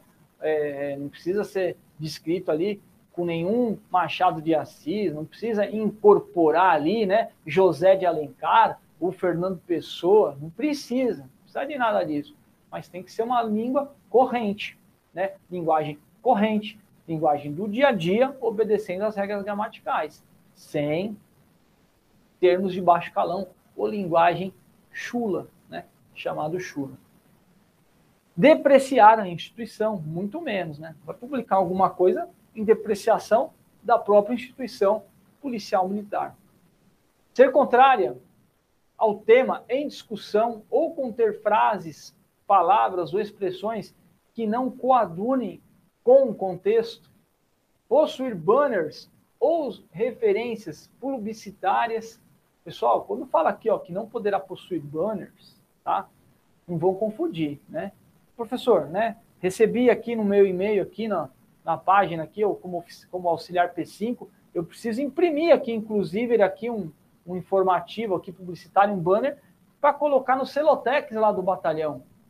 Inclusive, eu tô, recebo, às vezes, algum banner aqui da Polícia Militar, de informe publicitário, tá? Mas é de cunho institucional, tá, pessoal? É de interesse público, ou de interesse do público interno, né? Por exemplo, algum benefício é, atinente ao público interno da Polícia Militar por exemplo, né?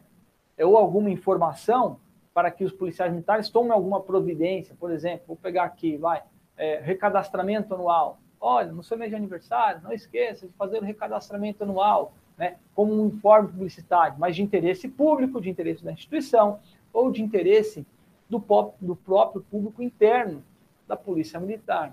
Se for, não pode imprimir banner ou informes publicitários de interesse privado, de promoção pessoal.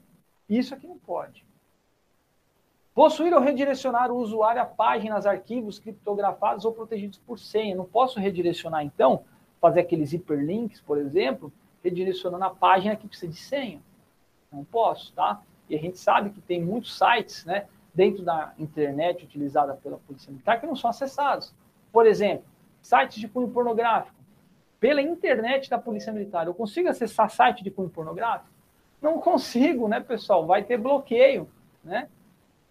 Conter ou redirecionar usuários ou arquivos que contenham vírus ou por qualquer outro código que apresente risco. Conter qualquer tipo de assunto de caráter político ou partidário. Olha aí, de novo, pessoal, questão política ou partidária, hein? Não posso, né? Com, é, é, colocar assunto de cunho político, né? seja na sua é, é rede social da OPM, seja na página da internet da Polícia Militar. Conter qualquer tipo de matéria ilícita, e muito menos, né? sendo considerado para tal qualquer tipo de pornografia, lá falamos, né? erotismo ou qualquer outra forma de discriminação, seja ético, étnica, religiosa, racial, ideológica, política ou de gênero humano. Também não pode. Parágrafo único. Fica proibida a publicação de assunto sensível ou classificado sem o devido controle de acesso, nos termos da Lei 12.527 de 2011 e também do Decreto 58052 de 2012. Essa lei, esse decreto, vocês não precisam estudar, não sei se cai na prova dos senhores, né? é, porque eu estou dando aqui regulamentos e instruções, tá, pessoal? mas são é, que fala sobre o acesso à informação, né? É a lei de acesso à informação, lei federal, e esse decreto 58052 de 2012 é o decreto estadual de acesso à informação, que garante né, o acesso a informações à, à sociedade, né? Ter esse controle social é, por parte da sociedade com os atos da administração pública, é o que trata essas leis, né? Então fica proibida a publicação de assunto sensível ou classificado sem devido controle. Por exemplo, eu tenho lá um assunto reservado, um assunto de caráter confidencial ou um assunto de caráter secreto. Eu posso publicar na rede social, na página eletrônica da, da Polícia Militar ou da sua unidade? Não posso. Como é que eu vou publicar um documento reservado, um assunto reservado, um assunto confidencial, ou seja, com controle de acesso, com, acesso, com restrição de acesso a determinadas pessoas na internet? Não posso publicar. É isso que está falando esse parágrafo único aqui, ok?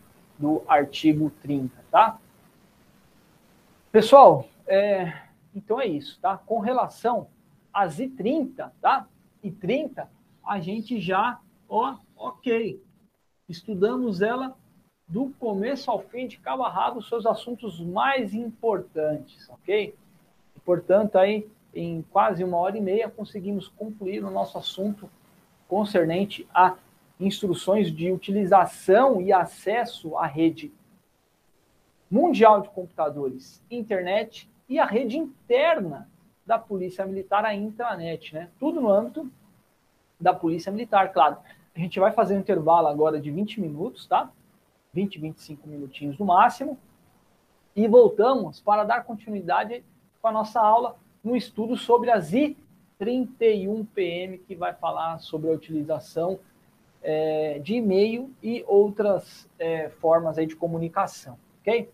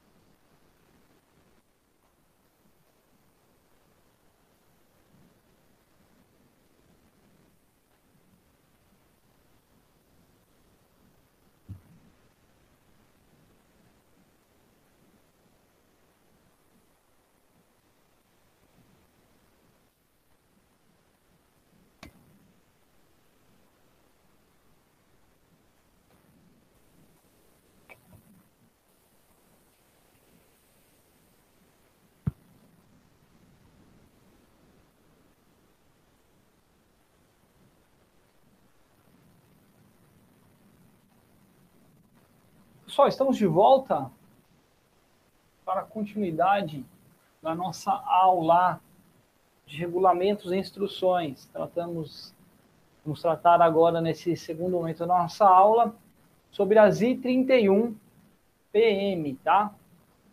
I31 PM. O áudio está chegando legal aí? Ok? Se o áudio não estiver chegando, dá um toque para a gente aqui, manda uma mensagem, pode entrar aí é, ao vivo mesmo e avisar a gente, ok, pessoal? Vamos lá falar sobre, então, agora Z31PM, instruções para utilização das ferramentas eletrônicas de comunicação na Polícia Militar. Então, são ferramentas eletrônicas de comunicação, né? A gente vai ver que tem dois tipos, né? É, utilizamos muito aí uma em específico, ok? Uma em específico a gente vai utilizar bastante, aí a outra já caiu em desuso, né? Que é o e-mail, né? O e-mail a gente vai utilizar bastante. Não que caiu em desuso, caiu em desuso é a Spark, né? Que a gente vai tratar aqui também, mas muito, de forma muito efêmera, ok, pessoal? É, isso aqui, né? Esse conteúdo aqui no início da aula acabei não comentando, mas é, é sempre tá, consta aí do edital, né? Do, do último edital para sargento, ok? E provavelmente pode ser de conteúdo aí do próximo concurso também, tá? Próximo concurso de sargentos. Então, a Z31PM, ela a, a, foi aí editada, né, a sua última edição em 2019, e, portanto, teve a publicação em 2019 também. Não houve mais nenhum reparo a esta norma policial militar, ok? Quando ela foi publicada e assim ela permanece. Ela tem sete capítulos, 37 artigos, né? Tem pouco mais de artigos do que aí 30, mas acredito que ela seja até mais simples, mais simplificada esta norma, portanto, e não possui qualquer tipo de anexo, tá? Ou, ou algo afim, ok? Então vamos lá, pessoal. E 31 PM, falar sobre as ferramentas de comunicação, de comunicação eletrônica aqui na Polícia Militar, tá? Essas instruções têm por finalidade regular as condições de utilização das ferramentas eletrônicas de comunicação. Então, qual que é a finalidade? Novamente, né, a gente vai, começa a falar de uma norma da PM, a gente sempre tem que primeiro tratar sobre a sua finalidade e sobre o seu objetivo. Parece a mesma coisa, né? Objetivo, finalidade, escopo, fim.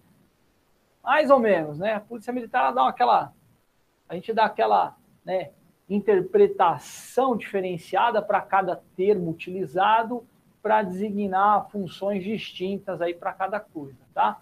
Então a finalidade é regular as condições é, de utilização, né? Assim como é, a questão da internet, intranet, que a gente tratou na aula passada, que também é o quê? De acesso e utilização, a finalidade das I31 também é de é, regular a utilização do quê?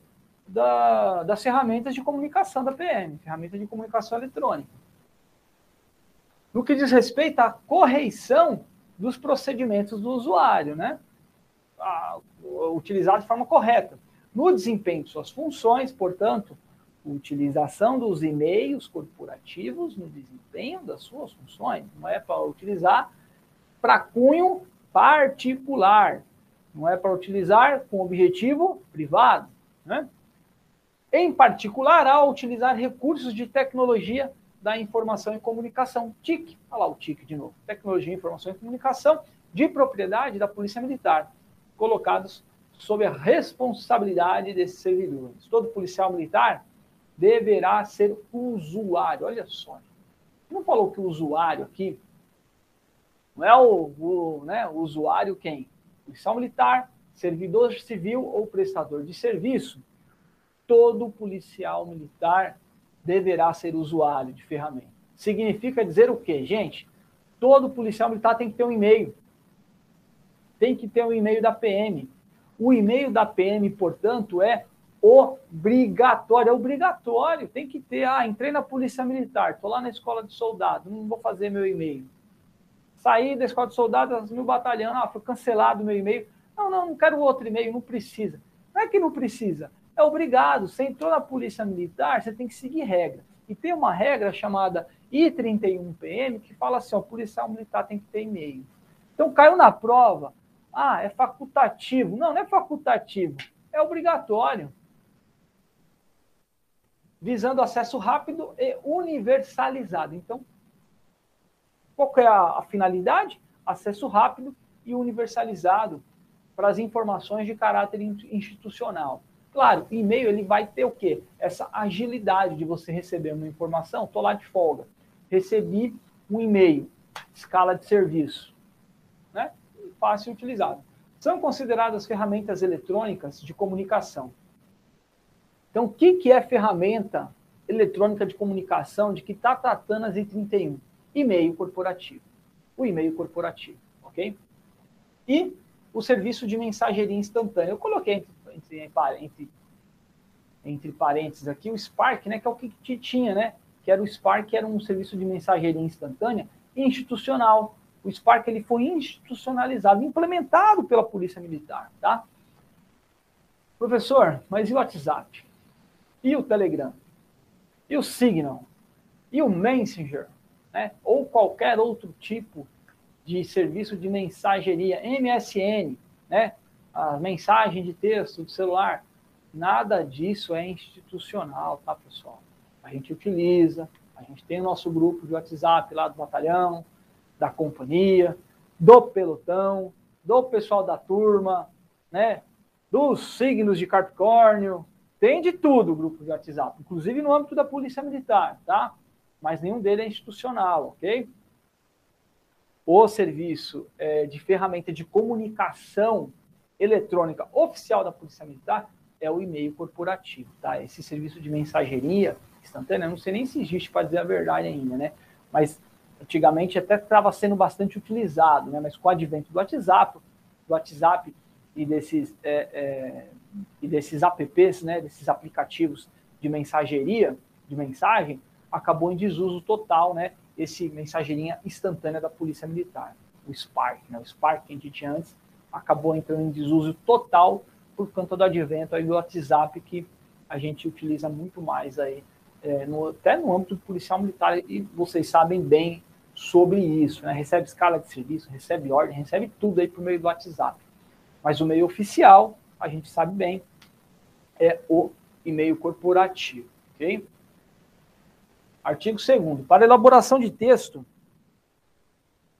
Fluxo de transmissão, prazos e regras de redação deverão ser observadas no que couberem, tá? No que couberem, as instruções para correspondência na Polícia Militar, as I7.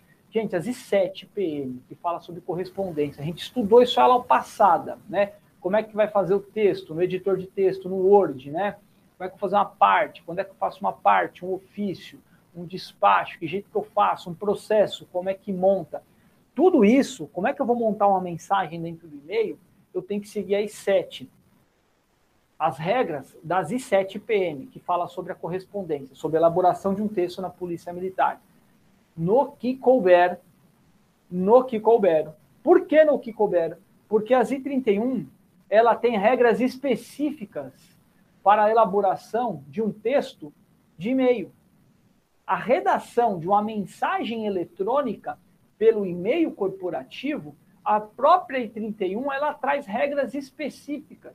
Então, naquilo que não se colidir com as regras específicas das, da, das I31, eu posso utilizar as I7, ok? E a gente vai ver isso mais à frente, tá? E aí, não só regra de redação, mas fala também é, é, prazo né, e elaboração de texto, tá? Até os prazos, então, portanto, tem que se seguir o que está lá nas I7, ok? Artigo 3 Constitui objetivo dessas instruções regular o conteúdo das informações. Então, no artigo 2 3 aqui vai falar dos objetivos. Falando da finalidade, que é o quê? Utilização do e-mail, regra de utilização. E o objetivo, regular o conteúdo das informações ou dados armazenados ou veiculados em pastas, arquivos ou mensagens, tá? Utilizando ativos de TIC, né, Tecnologia da Informação e Comunicação, de propriedade da PM, de modo a coibir a inserção de assunto ou, uma séria, ou matéria considerada ilícita. Então, vamos, vamos lá. Para o objetivo, é regular o conteúdo. Então, a gente precisa é, evitar, né? Evitar não, porque é proibido. A gente busca coibir, né? Proteger, coibir a inserção de assunto ilícito, para isso que tem, né? Contrária à disciplina policial militar, contrária à moral e os bons costumes, bem como atentatória à ordem pública, né? Ou ainda que viole qualquer direito de terceiros. Assim como é, é, na utilização da internet e da intranet, na utilização do e-mail corporativo, de ferramenta eletrônica de comunicação, a gente precisa também é, é, evitar, né, coibir né, assuntos que sejam ilícitos, contrários à disciplina, à moral e aos bons costumes, que seja matéria atentatória à ordem pública, né? E quando a gente fala da ordem pública, sempre lembrar, né, que ela é mais abrangente que a segurança pública. Ordem pública abrange não só a segurança pública, como a tranquilidade e também a salubridade pública, ok? E cinco, viole qualquer direito de terceiro, buscando a utilização mais adequada daqueles ativos. Que ativos, então? o próprio e-mail da Polícia Militar, ok? A gente está utilizando o e-mail da Polícia Militar, né, que, é, que é um ativo de TIC, né? O e-mail, então, esse ativo que ele fala aqui, de TIC, e é ativo de tecnologia da informação e comunicação, é o e-mail. O e-mail é um deles, tá? Que é o que é o principal, né? O, a, o serviço de mensageria a gente já acaba não utilizando mais, né? A padronização do correio eletrônico, então, ele vai seguir alguns itens, né? Que jeito que vai ser a padronização agora concernente ao correio eletrônico, ao e-mail, né?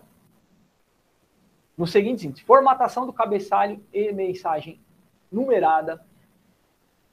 Então, vou fazer um e-mail, tem que ter formatação de cabeçalho, tem que ser mensagem numerada. A gente vai ver que tem uma exceção, tá? com relação a, a, essa, a esse formalismo da mensagem. Quem nunca aqui, bom, pode ser que tenha alguém que nunca tenha mandado uma mensagem é, de e-mail corporativo, né, solicitando providência ou informando de providências que já foram adotadas ou solicitando algo, não importa, né? Tem aquele padrão, né? Mensagem, número tal, né?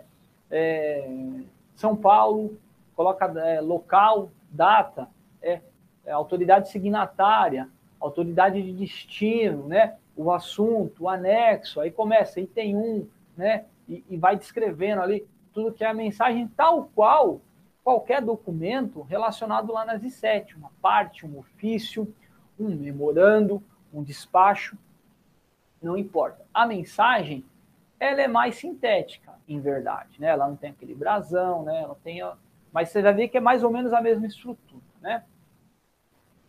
Tem que seguir, então, a padronização de formatação e cabeçalho, mensagem demorada, criptografia da mensagem e anexos, né? Assinatura e certificação digital. Assinatura, portanto, fecho lá, né? Com a certificação digital, tem que seguir o mesmo padrão para todo mundo, né? Controle de fluxo, confirmação, recebimento e leitura. Olha só, então, tem que ter uma padronização nesse sentido também. A gente vai ver que é de forma obrigatória, né? A confirmação de recebimento, né? A leitura do texto.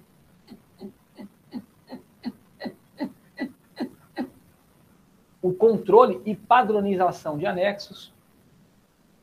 Compactação, regras de ferramentas, né? E-mail pessoal, funcional e organizacional. Olha só que novidade aqui, hein? E-mail funcional, pessoal e organizacional. Então, e-mail, quando a gente fala e-mail corporativo, é uma coisa, é o gênero da qual o e-mail pessoal, funcional e organizacional são espécies. E a gente vai tratar de cada um deles, tá? Normas para abertura e encerramento de contas, né? De contas, que contas, pessoal? Conta de e-mail. Se eu tenho um e-mail, eu tenho uma conta na Polícia Militar, uma conta de e-mail, né? Regras para exclusão da mensagem, quando é que eu vou poder excluir uma mensagem, regras para uso e manuseio do correio eletrônico, tá? Então, tudo isso a gente vai, é padronizado pelas I31PM, que a gente vai estudar agora. A gente já está estudando, na verdade, né? Artigo 4 Compreende-se como ativo de TIC. Para os efeitos dessas instruções, todo e qualquer equipamento eletrônico ou software que processe ou armazene dados, tá? Então, equipamento eletrônico, eu tenho o meu computador lá, ok? Ele está armazenando dados? Tá. Então, ele é um ativo TIC, um ativo de TIC, tá? Colocados à disposição de quem? Dos usuários. Quem que são os usuários? Policiais militares, funcionários civis, pessoal contratado. Para uso exclusivo como ferramenta de trabalho, né? Sabe que não pode utilizar para cunho pessoal, né? Computador, os ativos de TIC, então, computador, software, né? O, o, o, o, o Notes, né? Que a gente fala aí, esse software, esse aplicativo do Notes, esse programa, né?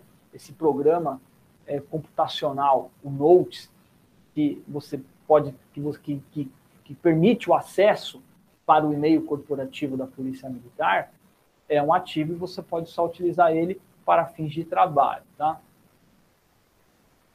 Quinto, o e-mail corporativo classifica-se em organizacional, funcional e pessoal, obedecendo os seguintes padrões. Então, vamos conseguir entender aqui quais são os tipos de e-mail, tá?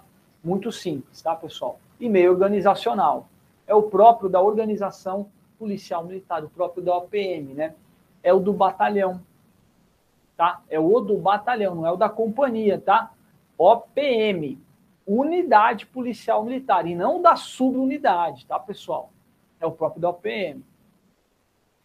Então, o e-mail, o e-mail organizacional, e-mail organizacional é do batalhão. Sétimo BPMM, CPA M9, CPAMB, 35 BPMI, é o e-mail organizacional, o e-mail do batalhão, da unidade. Seja um batalhão, seja um CPA, seja uma diretoria. Por exemplo, DETIC, Diretoria de Tecnologia da Informação e Comunicação, arroba Polícia Militar. É da unidade, é da OPM. Não é por OP, não é por subunidade, tá, pessoal? E nem por pelotão. Ah, eu tenho meu pelotão lá no interior. É o segundo pelotão. É o segundo pelotão da primeira companhia do 59 BPMI, tá? Não é. Aí não é mais e-mail organizacional vai ser o que a gente chama de e-mail funcional. Tá? O e-mail organizacional é da OPM, tá? é da unidade. O e-mail funcional é próprio da função ou atividade exercida.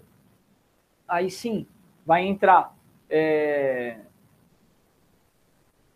13 terceiro BPMM, comandante. Olha só, é o do comandante. O e-mail do comandante do batalhão aí sim é o chamado e-mail funcional, tá? É, lembrando também, tá, pessoal, que o e-mail organizacional, bom, professor, mas se o e-mail organizacional é do batalhão, quem que opera ele? Comandante do batalhão geralmente fica a cargo do P1, né? Ou do P5, aí depende da unidade. A C31, ela não especificou isso, tá, pessoal? Ela não determinou a Z31PM falando assim, ó, o e-mail organizacional do, da OPM tem que ser é, verificado pelo P1, pelo P5, pelo comandante do batalhão. Geralmente é o P1, geralmente é o P1, tá? Assim como às vezes até o e-mail do comandante, né, como está o, o, exemplo aqui, 13 BPMM, comandante. Às vezes o próprio e-mail do comandante é o, o P1 que, que acaba administrando, ok? Porque é de cunho funcional, mas nem sempre, né? Até porque todo mundo tem o seu e-mail pessoal. Então, o e-mail funcional, além de ser de comandante, pode ser também, por exemplo, é, com relação à sessão. 13 BPMM, P1, e-mail funcional. 13 BPMM, SJD, e-mail funcional. Tá? E tem o e-mail pessoal. Aí sim, o que a gente chama vulgarmente de e-mail funcional, na verdade é o nosso e-mail pessoal, tá? Mas é o nosso e-mail pessoal da Polícia Militar. Então vamos começar a utilizar a terminologia correta, tá? Então o meu e-mail corporativo é o meu e-mail pessoal, individual, não funcional. O funcional é designando a minha função, ok? Se eu sou o comandante da OPM, então eu, eu então eu sou comandante do sétimo M, Sétimo BPMM, comandante. É diferente. O pessoal, que é o individual, né, o José, arroba Polícia Militar, é e-mail pessoal, tá? Então, entendemos aqui a diferença de e-mail organizacional, e-mail funcional e e-mail pessoal. O que a gente entende, então, é e-mail pessoal. E-mail corporativo, corporativo gênero, do qual organizacional, funcional e pessoal são as espécies, tá? É expressamente proibido manter, distribuir ou veicular veículos com ah, veículos, veicular arquivos, tá, pessoal? Contendo matéria considerada ilícita, contrária à disciplina militar, à moral, aos bons costumes, bem como atentatória à ordem pública ou que viole qualquer direito de terceiro. Né? Já falamos isso, né? Portanto, utilização de correio eletrônico do e-mail corporativo, tá?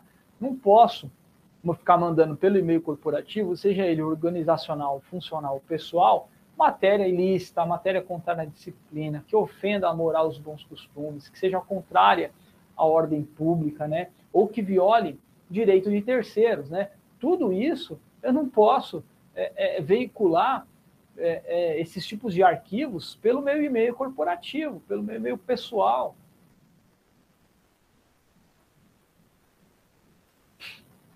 E a gente sabe que, né, só voltando aqui nesse tema um pouquinho, que veiculação de informação nesse sentido, de caráter ilícito, pornográfico, por exemplo, de promoção pessoal, pode é, é, gerar responsabilidade, pessoal, administrativa para quem veicula isso daí, até criminal, tá? Ou seja, em qualquer esfera. Inclusive, se causar dano, pode causar, inclusive, responsabilidade na esfera civil também, tá? Artigo 7 Compete ao comandante-chefe ou diretor da OPM realizar pessoalmente ou por delegação a, auditoria dos arquivos hospedados em ativos de TIC, de propriedade da Polícia Militar, sob a responsabilidade de usuários sob seu comando, sempre que necessário, atentando após os procedimentos cabíveis, no caso de constatação de alguma infração. Pessoal, o que, que é isso aqui então? O comandante da OPM ele pode fazer auditoria nos ativos de TIC. O que, que é os ativos de TIC? A gente não falou aqui que é software e também é, equipamento eletrônico, ou seja, computador e e-mail. Computador e e-mail. O comandante da OPM, então, professor, o senhor está falando que o meu comandante do batalhão lá, ele pode fazer a fiscalização é, do meu computador que eu utilizo para trabalhar, do meu e-mail pessoal da PM. Sim. O seu e-mail corporativo, pessoal, ainda que seja pessoal, é para utilização de assunto de serviço. Não é o seu e-mail privado, não é a sua conta do Google, a sua conta do Yahoo, do UOL, a sua conta do MSN, é conta da PM o comandante ele pode realizar auditoria. É claro, né, que vai precisar do fornecimento da, da senha, né? Mas ele pode, e o artigo 7 é, permite isso, tá? Não só pelo comandante, de forma pessoal, mas ele pode delegar também, pode delegar para uma companhia ou para uma companhia. Fiscaliza aí os e-mails dos seus policiais militares, né? O oficial P1, fiscaliza aí os e-mails dos seus policiais militares e o conteúdo dos seus computadores. Pode. E essa auditoria, ela tem a finalidade é, é de verificar o, a, a, a utilização de forma correta. Ela tem por objetivo verificar se a utilização desses ativos de TIC, e-mail e computador estão sendo utilizados de forma escorreita pelos usuários, né? pelos policiais militares, sob o comando é, é, do comandante do batalhão. Ok? Foi fazer auditoria, constatou alguma infração, já fala o artigo 7 né? Tem que adotar a providência cabível. Tá, pessoal? Tranquilo?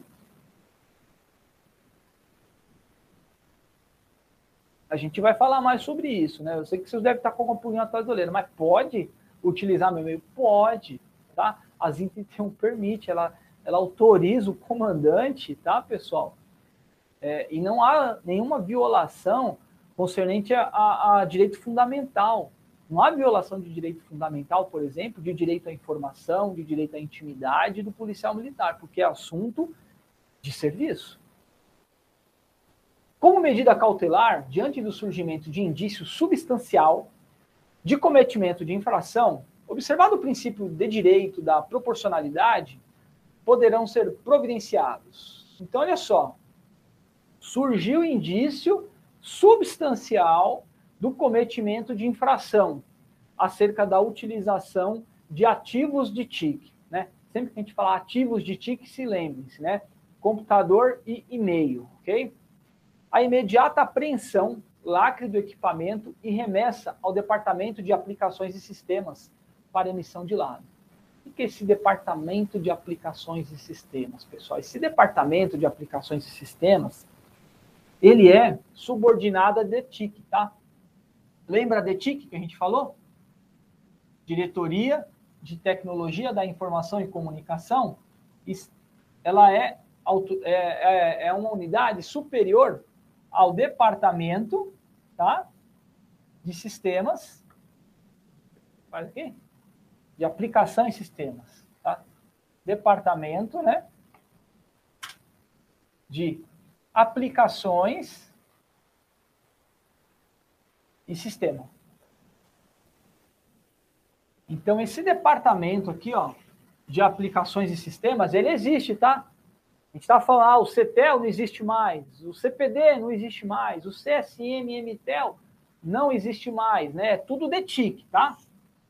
DETIC, tá? E a DETIC, ela tem esse departamento de aplicações e sistemas, que era o antigo CPD, né? Salve equívoco. Salve equívoco, tá? Mas é o antigo CPD, tá? Então, tem a DETIC, tá? Que é a diretoria, que é o PM, e tem o departamento de aplicações e sistemas. Ixi, a bateria está acabando aqui. Peraí, pessoal, deixa eu ligar aqui o, o computador. Acho que ele vai acabar a bateria. Está desligado também.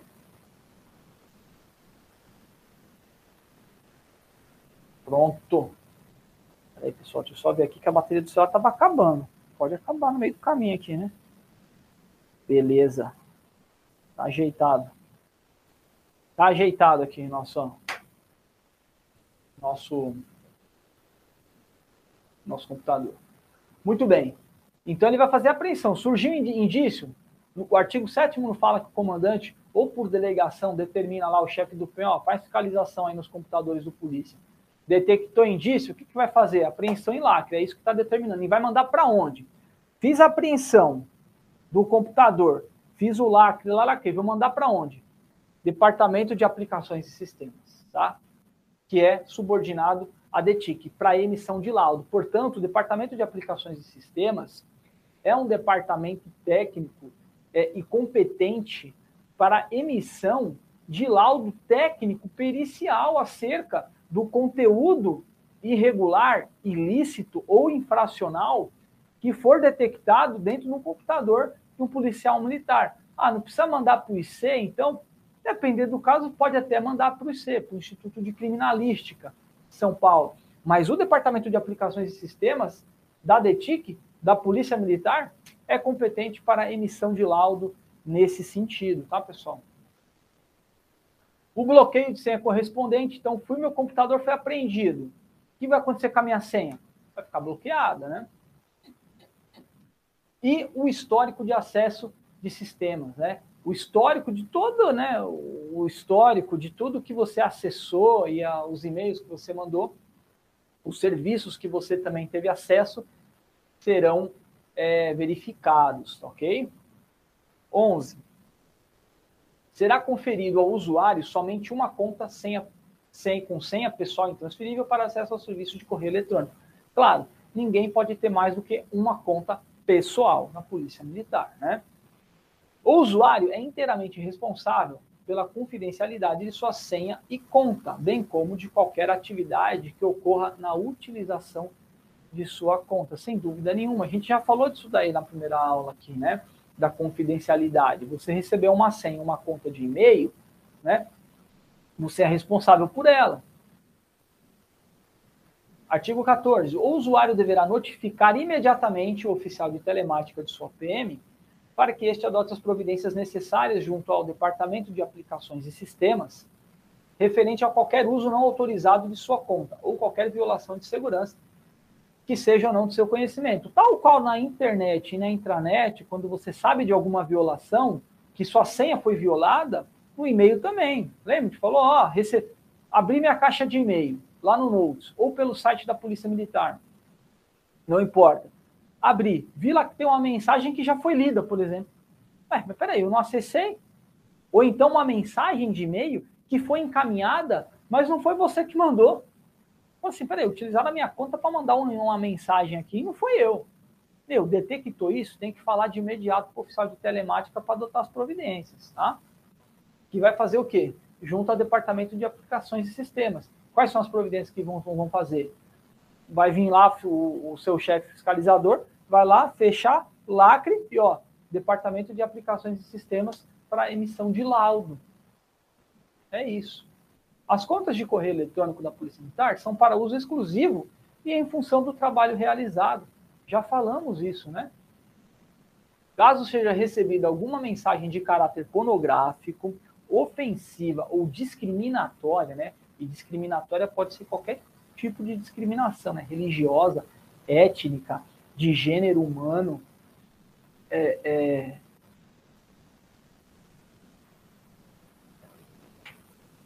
qualquer que seja a discriminação, o usuário deverá informar de imediato seu comandante-chefe ou diretor para que sejam adotadas as devidas providências, sendo terminantemente proibida a sua propagação.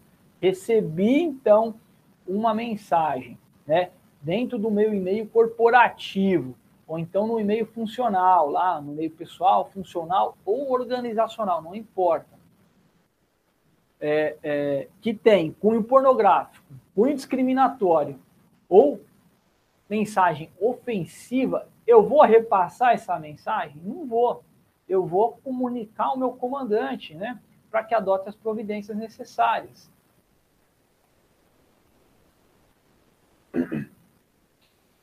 Na elaboração da mensagem do correio eletrônico deverão ser observadas as seguintes regras. Bom, a gente não falou aqui ó, que as regras de redação, é, de prazo, de elaboração de texto, tem que seguir as I7 naquilo que couber, né? Então, sim, mas as, I7, mas as I31 aqui, ela vai especificar aqui, trazer um rol é, de como é feito, tá? Então, naquilo que não colidir com isso que a gente vê agora, as I7 pode ser aplicada. Pode ser aplicada desde que não seja contrário com aquilo que está dizendo as I31, tá?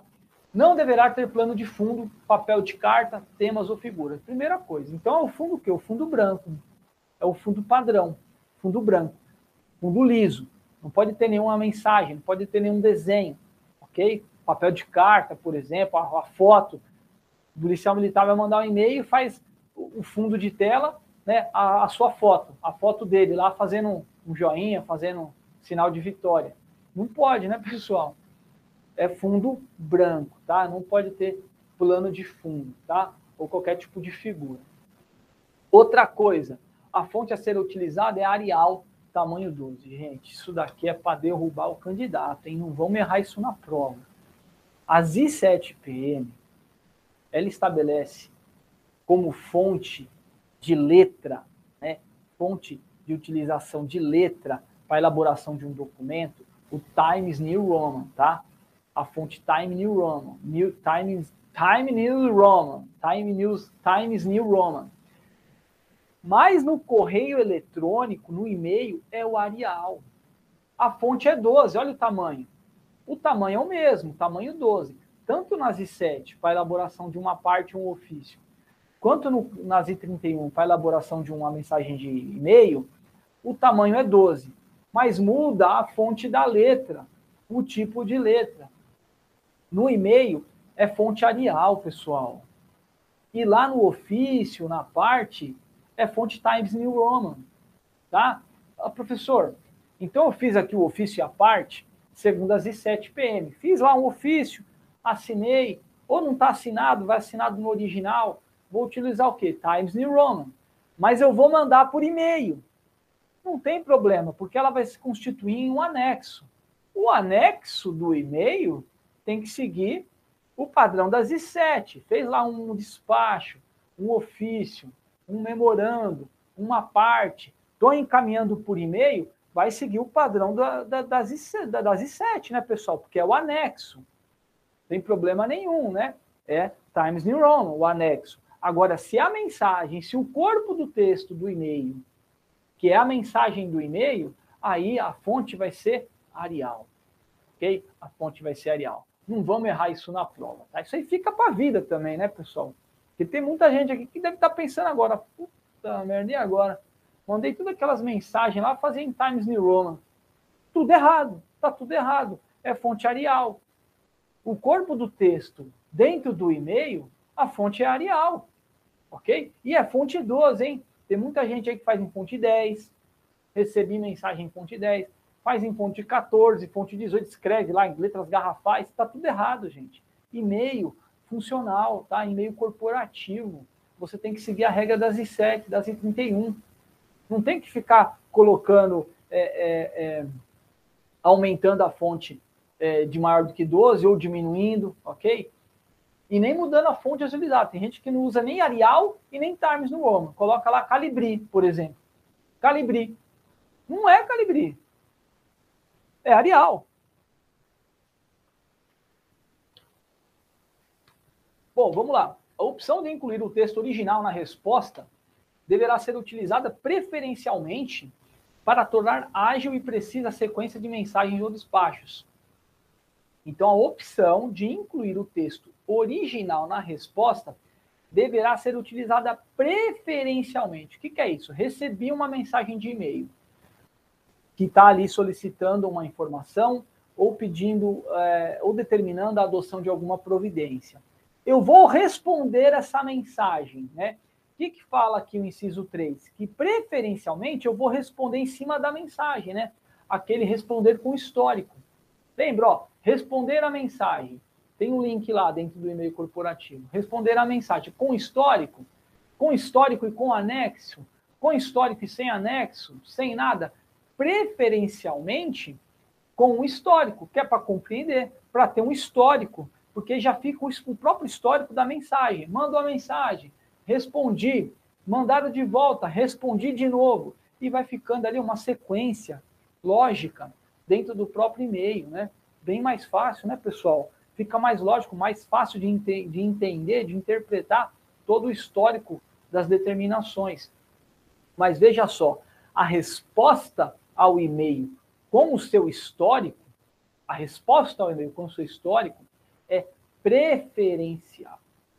Então, deverá ser utilizada preferencialmente. Por mais que ele utilize aqui o verbo dever, que seria em tese de forma obrigatória, mas ele de outra forma fala que pode ser preferencial. Portanto, não é obrigatória. OK? A resposta com o histórico, então, é de forma preferencial e não obrigatória. Posso responder, então, um e-mail sem histórico? eu vou responder uma mensagem que eu recebi, mas eu não vou responder com histórico. Posso? Pode. Pode. Mas as I7, as I31, aliás, é, determina que seja preferencialmente com histórico. E de fato fica bem mais fácil, tá, pessoal? Como fala aqui, né? Para tornar ágil e precisa a sequência das mensagens, tá? A opção de solicitar a confirmação de envio e leitura deverá estar habilitada e caberá ao destinatário confirmar o recebimento em qualquer circunstância. O que, que significa isso, gente? É, tem uma habilitação no nosso e-mail corporativo que é assim, ó, é, habilitar é, confirmação de leitura. Você manda o um e-mail, estou né, falando mais do mesmo, que tem muita gente que já sabe disso daqui, né, que já trabalha lá na sessão, mas tem um pessoal aqui que é meio jagunço, que a gente sabe, né, que trabalha lá no operacional, ah, vez ou outra recebe e-mail, vez ou outra manda, tem uma habilitação ali, pessoal, que chama o quê?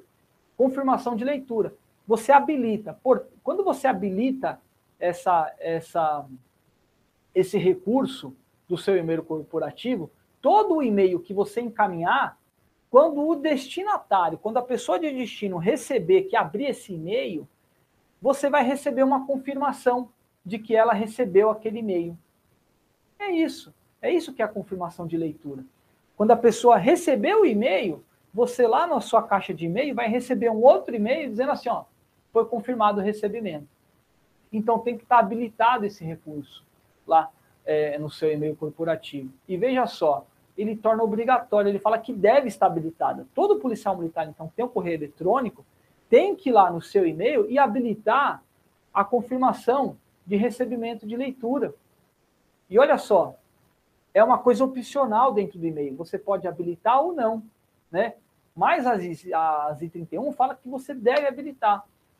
Assim, aí pensando a grosso modo, seria muito mais fácil o nosso e-mail já vir com essa função habilitada automaticamente, né? Já que é obrigatório. Já que é obrigatório, então já habilita automaticamente. Mas não. Isso depende de cada um, de cada um com seu e-mail corporativo, ir lá e habilitar essa função de confirmação de leitura e que deve ser feita de forma obrigatória, tá? E a outra coisa, então essa é a habilitação. A outra situação é o destinatário confirmar é, o recebimento em qualquer circunstância. O que é a confirmação? De, além da habilitação do, da, da confirmação do envio, também é a resposta de que você é, leu ali, de que você recebeu aquele e-mail, ok? Sempre que possível, deverá ser evitada a anexação de arquivos, dando-se preferência à inserção do texto na composição da mensagem. Então, quer dizer assim, sempre que possível, tá? Também não é de forma obrigatória. Que é o que? A anexação. Se eu puder escrever no corpo do texto do e-mail aquilo que eu quero, é melhor, tá? Do que encaminhar um anexo, por exemplo, ok? Então, veja só. Por exemplo, os senhores estão lá na SJD. Vamos pegar um exemplo da JD aqui. Está fazendo um, uma sindicância, uma sindicância, por exemplo, precisa de prazo ou está fazendo um PD, um procedimento disciplinado, um polícia que fez uma merda lá, está apurando um PDzinho e, e precisa de prazo. É, é, vai pedir um prazo, por exemplo, ou de uma apuração de uma denúncia anônima, seja lá o que for, né? É, nessa seara aqui de polícia judiciária, militar e, e disciplina, né? É, é, posso pedir o prazo por e-mail? Posso. Posso escrever o texto no corpo do e-mail? Posso. Para que, que eu vou fazer um ofício, então, para o chefe da sessão assinar ou para o comandante assinar e anexar esse ofício no e-mail? É isso que está falando inciso 5. Sempre que possível, sempre que eu puder mandar é, uma solicitação ou uma adoção de providências no corpo do texto, eu não preciso pedir, imprimir um papel, assinar, escanear, anexar para mandar. Né? Posso fazer direto no corpo do e-mail. É isso que está dizendo. Sempre que possível, nem sempre às vezes é possível. Às vezes a formalidade dentro da Polícia Militar para elaboração de documento impede que a gente é, em, coloque as informações dentro do corpo do e-mail. E a gente sabe que a PM é muito formal, né? né em vários aspectos, né? Mas sempre que possível, né? Evitar colocar anexo, né? Escrever o texto no próprio corpo do e-mail, ok? Em sendo necessário o envio de anexos, esses poderão estar compactados, então pode compactar os anexos, tá bom? De acordo com o tamanho do arquivo a ser enviado. As mensagens enviadas por e-mail, por meio de correio eletrônico, são divididas em. Aí vamos, como é que elas vão ser divididas? Mensagem numerada, que deve seguir o rito de formatação do artigo 17. Gente, a gente vai ver aqui que tem dois tipos de mensagem, então. Essa mensagem numerada que está falando é aquela mensagem é, padrão. Mensagem número é, 51 barra 62 barra 21. São Paulo, 15 de novembro de 2021. Do comandante do 7 BPMM ao senhor comandante do CPA N1. Né?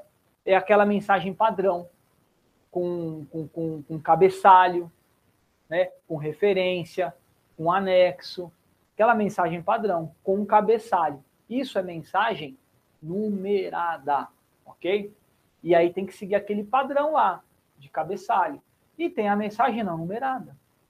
Quando é que eu vou mandar uma e outra? A mensagem não numerada, ou seja, eu não preciso colocar um número, eu não preciso ter numerador para essa mensagem é, quando não possuindo rito específico, deverá atentar para os critérios de lógica e pertinência, observando o conteúdo a ser tratado. Então, vai ser o parágrafo único. Olha só, os e-mails organizacionais e funcionais deverão utilizar mensagem numerada, sendo que os e-mails pessoais, dentro dos critérios de conveniência e oportunidade, poderão utilizar as mensagens não numeradas. Então, veja só, gente, eu tenho e-mail pessoal lá, né? Jonathan arroba policiamilitar.com.br. Eu posso, é, é, se dentro da conveniência né, e oportunidade não implicar prejuízo, né, eu posso mandar uma mensagem não numerada. Eu não preciso seguir aquele todo formalismo, né? Mensagem, número X, YZ, barra 01, barra 21, São Paulo, 15 de outubro, do professor Jonathan ao fulano de tal. Não preciso seguir esse padrão, ok? Mensagem não numerada não tem cabeçalho. Eu posso ir direto ao assunto, ok, pessoal? Diferente da mensagem numerada, que aí sim tem que seguir aquele padrão de cabeçalho, tá? Numeração de itens, né? Item 1, item 2, subitem, subitem 1.1, subitem 1.2. A mensagem não numerada não. Ela não tem cabeçalho, eu não preciso numerar itens, né? os parágrafos com itens, subitens, não preciso fazer nada disso, porque é uma mensagem não numerada. Mas a mensagem não numerada, que eu não vou colocar número, só pode ser feita nos e-mails pessoais. E-mail, portanto, organizacional ou e-mail funcional só vai poder ser com é, mensagem numerada, ok? Muito tranquilo isso, né? As mensagens numeradas devem seguir o seguinte trâmite de formatação, observado em conjunto os critérios estabelecidos pelo I7. Bom, então mensagem não numerada tem algum padrão? Não tem. Mensagem não numerada não tem padrão. Não preciso colocar cabeçalho, não preciso colocar item, não preciso colocar subitem, eu coloco direto, né? Solicito é, em atenção ao procedimento disciplinar número 15 BPMI, traço 06, traço 06, traço 21, solicito que seja encaminhada a esta sessão a nota de corretivos atualizada do policial militar fulano de tal. Assina, manda e acabou. Não tem, é, é, é, é não tem é, padrão, ok? Não tem padrão. Agora a mensagem numerada tem. E a mensagem numerada vai seguir o padrão que a gente vai ver agora, combinado com o que estabelece as, I, as I7, ok? Mas lembrando, né? É, é, fonte Arial. Primeira linha, então, a designação do termo mensagem, letra maiúsculas. Então, primeira linha, mensagem em letra maiúsculas, ou que a gente conhece como é, é, é na linguagem da NET, né? A caixa alta, em caixa alta, tá? Mensagem em caixa alta. Não é só a primeira maiúscula e as demais minúsculas. Tudo maiúscula, mensagem, tal qual como está aqui. A abreviatura do termo, do, do, número maiúscula. Número, então, o número, a abreviatura do número, só o N ponto Ozinho, em letra maiúscula, tá? A gente vai ver que lá no, no exemplo que a Z31 mandou, tá errado. Mas tudo bem. A sigla da OPM, que deverá ser aquela estabelecida na legislação vigente, né, sem indicação de sinal gráfico, seguida de hífen. Então, eu, trabalho lá no sétimo BPMI, né? Eu não vou colocar lá o Ozinho e nem a barra, é 7M, é 7 BPMI, sem barra, sem tracinho, sem nada, né? Assim como o DTIC, né? O número do documento separado por barra. E aí coloca o número do documento separado por barra. Aí vem depois da barra o prefixo numérico do órgão elaborador da barra. Que prefixo é esse? Gente, prefixo numérico da seção. O P1 geralmente é 01 ou 10. P2, 20 ou 02. P3, 30, né? P4, 40. SJD, aliás, P5, 50. SJD, 60, né? e assim por diante. Esses são os prefixos mais comuns. P1 10, P2 20, P3 30, P4 40, P5 50 e SJD, né, o Polícia Judiciária Militar e Disciplina, 60. né? Salvo alguma unidade ou outra aí que tenham mais seções, né? Pode ter outros, outros numeradores, ok? Então, o prefixo elaborador é, é da seção, geralmente da seção do departamento a que você pertence, ok? E os dois últimos algarismos do ano, né? Primeiro número, barra, prefixo é, identificador, barra, e os dois últimos do ano. Não é 2021, portanto, né? 2021, mas apenas 21 ou 19. E por fim, né, a palavra circular, quando for o caso, né, se for um documento circular, uma mensagem circular, por exemplo, você está lá no P1, está montando uma mensagem, mas vai mandar para todo mundo, né, para o P2, para o P3, para o P4, para o P5, para o para as companhias, para os pelotões, está mandando para todo mundo? Tá. Então, é uma mensagem circular, ok? Separado do ano por hífen e sem ponto final. Isso tudo, gente, na primeira linha, tá? Tudo na primeira linha, ok? Então fica assim, ó, ó o nosso exemplo aqui da primeira linha. Mensagem, letra maiúscula, número, letra maiúscula. Os senhores vão perceber aí que na apostila e na própria Z31, eles colocaram um número com o número abreviado em letra minúscula.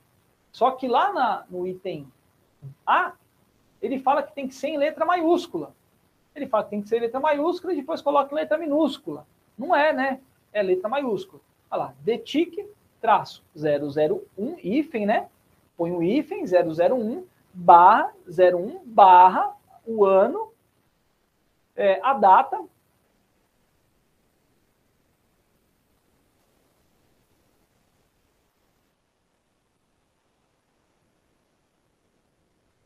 Aliás, não tem data também, tá, pessoal?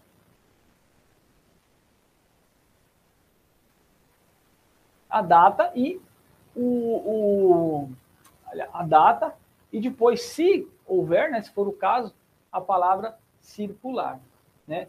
Continuando, né? A classificação normal ou urgente, tá? Essa é a primeira linha.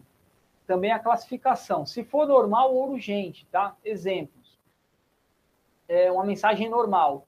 Uma mensagem normal você vai colocar mensagem, número de tique, é, 01, prefixo, identificador, barra, é, os dois últimos algarismos do ano, ok? E a data, né? Do jeito, na, da forma alfanumérica. E se for urgente, tem que colocar tracinho urgente no final. Se for normal, não coloca nada. Mas se for uma mensagem urgente, tem que colocar tracinho urgente no final. Letra maiúscula, né? Ó, olha só como que vai urgente letra maiúscula, caixa alta, ok? A classificação quanto à natureza, ostensiva ou sigilosa. Se for ostensiva, não coloca nada também, segue igual. Agora, se for sigilosa, tem que colocar o quê? Reservada, né? Por exemplo, essa reservada pode ser também, é, se for uma mensagem reservada, se for uma mensagem confidencial, se o grau de sigilo dela for confidencial, então confidencial. Se o grau de sigilo da mensagem for secreto, secreto. São os três graus de sigilo é, dentro da Polícia Militar, lembram? Reservada, confidencial ou secreta. Ok? No caso, nosso exemplo aqui, o mais comum que a gente vê, né? Que, né, fora, porque do contrário, é mais assunto relacionado aí ao, ao serviço reservado, né? É reservado. E aí tem que colocar. Se for extensiva, não precisa colocar nada. Se for sigilosa, aí precisa colocar o grau de sigilo, se reservada, se confidencial ou se secreta. Agora sim, segunda linha. A palavra do, seguida do cargo do signatário e da denominação da OPM remetente, né? Então, se eu sou, se você é lá, é, chefe do P1, então do chefe do P1 do sétimo BPMM, né? Então tem que colocar é, o, a, terminou o cargo é, do signatário e a denominação da OPM, ok? Abreviadamente na correspondência interna e por extenso na externa. Então, tudo que for para correspondência externa não pode ser de forma abreviada. Tem que colocar lá sétimo batalhão de polícia militar do interior ou metropolitano, ok? para correspondência externa. Para correspondência interna, de forma abreviada, sétimo BPMI, que a gente já estudou, inclusive, lá nas I7PM. Sem ponto final ainda. Primeira linha, não vai ponto final. Segunda linha, não vai ponto final. Terceira linha, aí sim vai o ponto final. A terceira linha, tá? Terceira linha. A palavra ao, que é o autoridade de destino, do chefe do P1 do sétimo do PMM ao chefe do P1 do CPAM1, ok? Que é o quê? Isso daí é um canal direto, né, que a gente está vendo essa mensagem. Mas pode ser mandado? Pode. Seguida da expressão de tratamento adequada da denominação do cargo do destinatário e do nome da organização a que é dirigida a mensagem, abreviadamente na correspondência interna e por extenso na correspondência externa, como a gente já viu. E ponto final. Devendo-se evitar a redundância. Comando, comandante do comando, diretor da diretoria. A gente já viu isso na I7, né? Então, estou mandando uma mensagem lá, na primeira linha, né? na primeira linha. Mensagem número 1, é, 71 BPMI, traço 01, traço 62, traço 21, D 15, é, 9, é, NOV, novembro, né? 21, referente ao ano 2021. Tracinho, urgente, tracinho, reservado, né? Tracinho, circular, um, vai ser muito difícil, né? Uma mensagem ser urgente, é, reservada e circular ao mesmo tempo, né? Mas pode acontecer? Pode, né? Segunda linha, do comandante do sétimo BPMI ao senhor é, é, comandante do CPA N9, solicitação de documentos, né? Aí vai pedir documento. Depois, ao comandante do CPA N9, ponto final. Então é só na terceira linha. Primeira linha não tem ponto final, segunda linha não tem ponto final, terceira linha ponto final. Quarta linha, palavra assunto, seguida de dois pontos e um breve resumo. Tão exato quanto possível do que se trata e ponto final. Por exemplo, solicitação de documentos. Assunto: solicitação de documentos. Em atenção ao referenciado, solicito é, o envio dos assentamentos individuais do policial militar. Ponto. Né? Isso no texto, né? Então, no assunto, você só coloca solicitação de documento e pronto, né? Ou envio de documento, né? Quarta linha, quinta linha, né? Quando for o caso, a palavra é referência. Quando está referenciando algum processo, algum procedimento, alguma coisa, ok?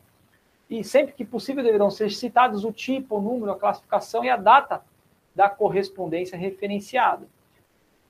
Quando houver mais de uma referência, essas devem ser colocadas em ordem cronológica, tá? É, é, designadas por números seguidos do sinal de fechar parênteses, ponto e vírgula ao final da indicação, não devendo ser colocada a conjunção aditiva e, após o penúltimo documento referenciado. Então, colocou lá, referência 1, PD número tal, ponto e vírgula. Referência 2, né?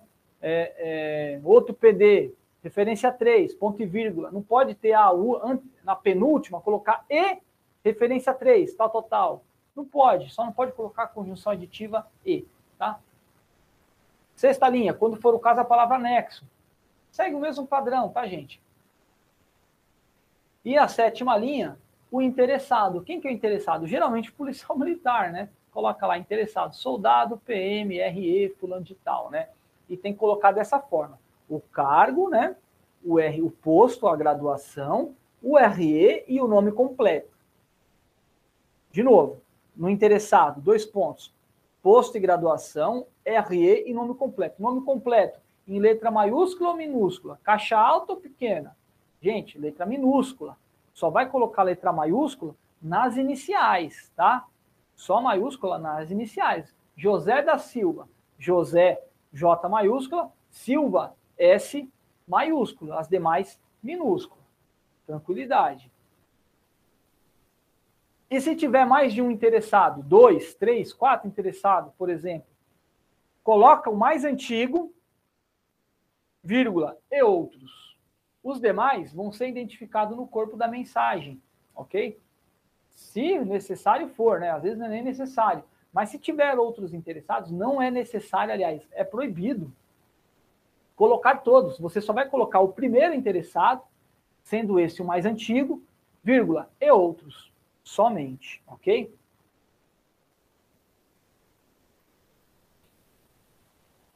A fonte utilizada para a confecção da mensagem deverá ser Arial tamanho 12. Já vimos isso, ó, de novo, hein? Tá falando do Arial. O alinhamento vertical do cabeçalho é estabelecido pela primeira letra da expressão mensagem e deve ser alinhada à esquerda da caixa de digitação. A elaboração do texto deverá obedecer às regras previstas nas I7, já vimos também, no que diz respeito aos, itens, aos seus itens, desdobramentos em subitens, tratamento e etc. Então, os itens e subitens vai ser que tudo que está na I7, né? Item 1, ponto e vírgula, 1.1, né? ponto e vírgula, 1.2, 1.1.2 e assim vai. Você com SOC poderá utilizar frases ou pequenos textos para serem incluídos como veículo de comunicação institucional, no espaço logo abaixo da assinatura. Então, lembra-se no fecho, a gente vai falar do fecho aqui agora, da mensagem do texto, né? Que pode ter, na assinatura, é, é, pode ter alguma mensagem institucional do SECONSOC, ok, pessoal? E também é, abreviatura do posto, da graduação, da função, telefone e endereço da OPM, com imagem padrão para o correio eletrônico da Polícia Militar. Então a gente sempre tem, né? Atualmente, o que, que a gente tem? É, a gente tem lá, né? O Polícia Militar, 190 anos, né? É aquela imagem institucional. Então vai lá, no fecho da assinatura. Vai, vai, vai a sua assinatura? Não vai, mas vai o seu posto, a sua graduação, o seu RE, aliás, o posto, a sua graduação, não precisa do RE, tá? Na assinatura não precisa do RE, tá, gente? De quem está mandando a mensagem do signatário, ok? Não precisa do RE. É posto, graduação, nome completo, é, é, telefone e endereço da OPM, né? E dentro daquela imagem institucional padronizada pela Polícia Militar, que hoje tem lá o Polícia Militar, né? 190 anos, né? Os usuários de conta de correio eletrônico deverão consultar o fluxo de mensagens diariamente. Professor, então é isso, né? Eu tenho meu e-mail, eu tenho que consultar todo dia, todo dia. Todo dia. Mas eu trabalho dia sim, dia não. Pessoal, você trabalha dia sim, dia não? Então, todo dia que você trabalhar, você tem que acessar o seu e-mail, ok? É, esse diariamente, né? ele não faz referência à sua escala de serviço. Mas como o e-mail é institucional, ele só é utilizado em razão do serviço, compreende-se o quê? Que você só vai utilizar ele quando você estiver serviço. Por exemplo, o pessoal da DM. Pessoal da, da DM trabalha no expediente, de segunda a sexta-feira. Quando é que eu tenho que abrir meu e-mail? Todos os dias, de segunda a sexta. Sábado, domingo em feriado, precisa? Aí não precisa, né? é o razoável, ok? Assim como o pessoal do 12 por 36. Estou de serviço hoje? Vou abrir meu e-mail. Estou de folga? Estou de boa. Estou de serviço hábil? Estou de folga? Estou de boa. Ok? Isso é que é essa interpretação do diariamente. Você vê que a ZI 31 ela não estabeleceu isso, tá? Diariamente, conforme a escala de serviço, ou em todo o seu dia de serviço, né? Não falou isso. Pela interpretação literal, a gente teria que abrir todo dia, de ser de domingo a domingo, nas férias, de LTS, de afastamento, não importa, né? Mas não é essa interpretação que é dada, ok, pessoal? Mas, todo serviço, eu tenho que acessar o meu e-mail, né? Fala ainda, né? Os e-mails de caráter organizacional e funcional deverão possuir um responsável indicado pelo comandante-chefe ou diretor, para realizar a consulta periódica, sendo obrigatória no início e término do turno de serviço. Então, veja só, gente, e-mail organizacional ou e-mail funcional, tá? É, da Polícia Militar, o comandante tem que designar. Você lembra que eu falei, ó, o, o, o endereço da OPM, o e-mail eletrônico da OPM, geralmente fica a cargo do P1. E geralmente fica mesmo, né? Bom, se é o P1, tem que ter um cara lá, né? Um auxiliar lá, o sargento, ou polícia lá, o protocolista, sei lá, um auxiliar do P1 que tem que abrir. Esse cara que foi designado pelo comandante, Ele é o responsável por abrir esse e-mail. E tem que abrir no início e no término do serviço. Então, cheguei de trampo, tem que abrir. Vou encerrar o seu expediente, tenho que abrir a caixa de e-mail novamente para saber se não tem alguma determinação urgente, por exemplo, ok? Salvo, né? Salvo a, é, a sua a verificação durante o dia. Não é só de manhã e só à tarde, né? É o dia inteiro, né? Você deixa o e-mail aberto, ele vai recebendo. E os e-mails funcionais também, mesma coisa, ok? No, obrigatório, então, no início e no término. A autoridade responsável poderá estabelecer intervalos para consulta, evitando a perda do controle do fluxo de informações, né? Então, o comandante ele pode, inclusive, determinar isso. Ó, você vai abrir essa, o e-mail de uma em uma hora. Ou, por exemplo, duas vezes de manhã, duas vezes à tarde. Sem prejuízo da abertura do e-mail no início e no término do serviço. Ele pode estabelecer. Então, ele dá essa discricionariedade tá, para o comandante do OPM de estabelecer regra própria para a abertura do, do, dos e-mails organizacionais e funcionais, é, é, para não ter solução de continuidade no fluxo de informações, ok? Artigo 22.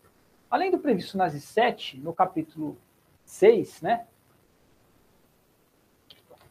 Em relação ao fluxo das mensagens, o campo CC. O que, é o campo CC, gente? É o campo com cópia, né? Todo e-mail que a gente encaminha, é, a gente pode mandar com cópia, né? E também no e-mail corporativo nosso tem a opção de cópia com é, de cópia oculta, né?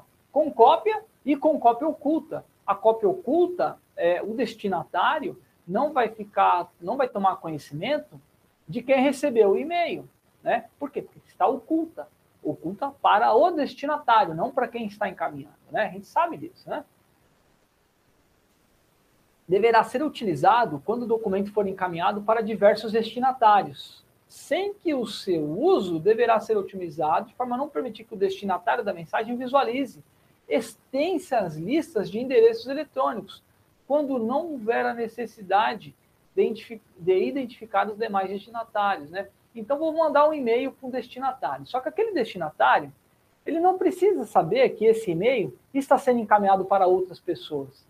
É nessa ocasião que eu vou mandar é, é, a opção com cópia ou com cópia oculta, porque aí não vou encher de, de, de destinatários o endereçamento principal né? Isso organiza, né? Facilita ali a vida de quem está recebendo, tá? Então é essa a finalidade, tá? Quando não for necessário identificar os demais destinatários daquele e-mail. É né, por essa finalidade que nós vamos utilizar o com cópia ou o com cópia oculta. Ao receber uma mensagem que seja necessária a sua tramitação para conhecimento ou decisões, o usuário da conta de correio deverá retransmiti-la imediatamente ao interessado. Né? Então, recebi uma mensagem, precisa de providência, de conhecimento, eu vou encaminhar de forma imediata. Tá? É obrigatória a identificação pessoal do transmissor de mensagens oriundas de e-mail organizacionais e funcionais nos moldes do artigo 19 desta norma. Claro, é um e-mail funcional, por exemplo, né? É, aliás, organizacional a conta do batalhão, é o, é o, é o e-mail do batalhão. Mas quem que está mandando o e-mail? Você precisa se identificar, né? É, cabo PM é, fulano de tal, auxiliar P1, né? ou então chefe é, é chefe da seção de pessoal, primeiro tenente ou capitão PM fulano de tal. Tem que se identificar. Não é porque o e-mail é organizacional ou funcional que você não vai se identificar embaixo. Precisa identificar todo e-mail corporativo tem que ter a assinatura, tem que ter o fecho de assinatura identifica, identificando o signatário, né, aquele que está escrevendo a mensagem.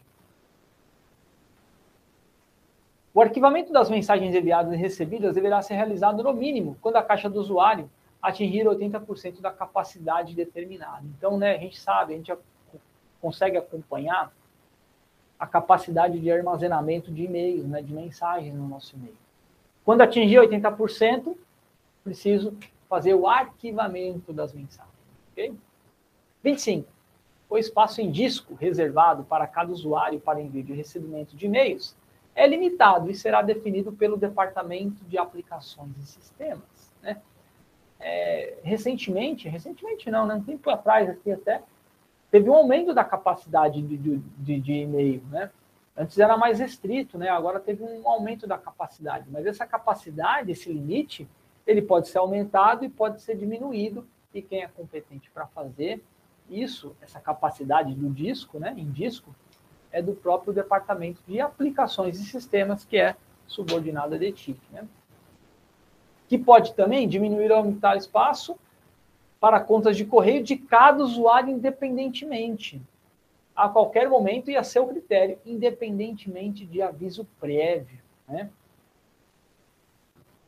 Então, pessoal, quando você tiver reduzida ou aumentada a sua capacidade de armazenamento do e-mail, não é o comandante do OPM que determina isso, tá? Quem que é? É o Departamento de Aplicações e Sistemas, ok? Aí na prova já sabe, né?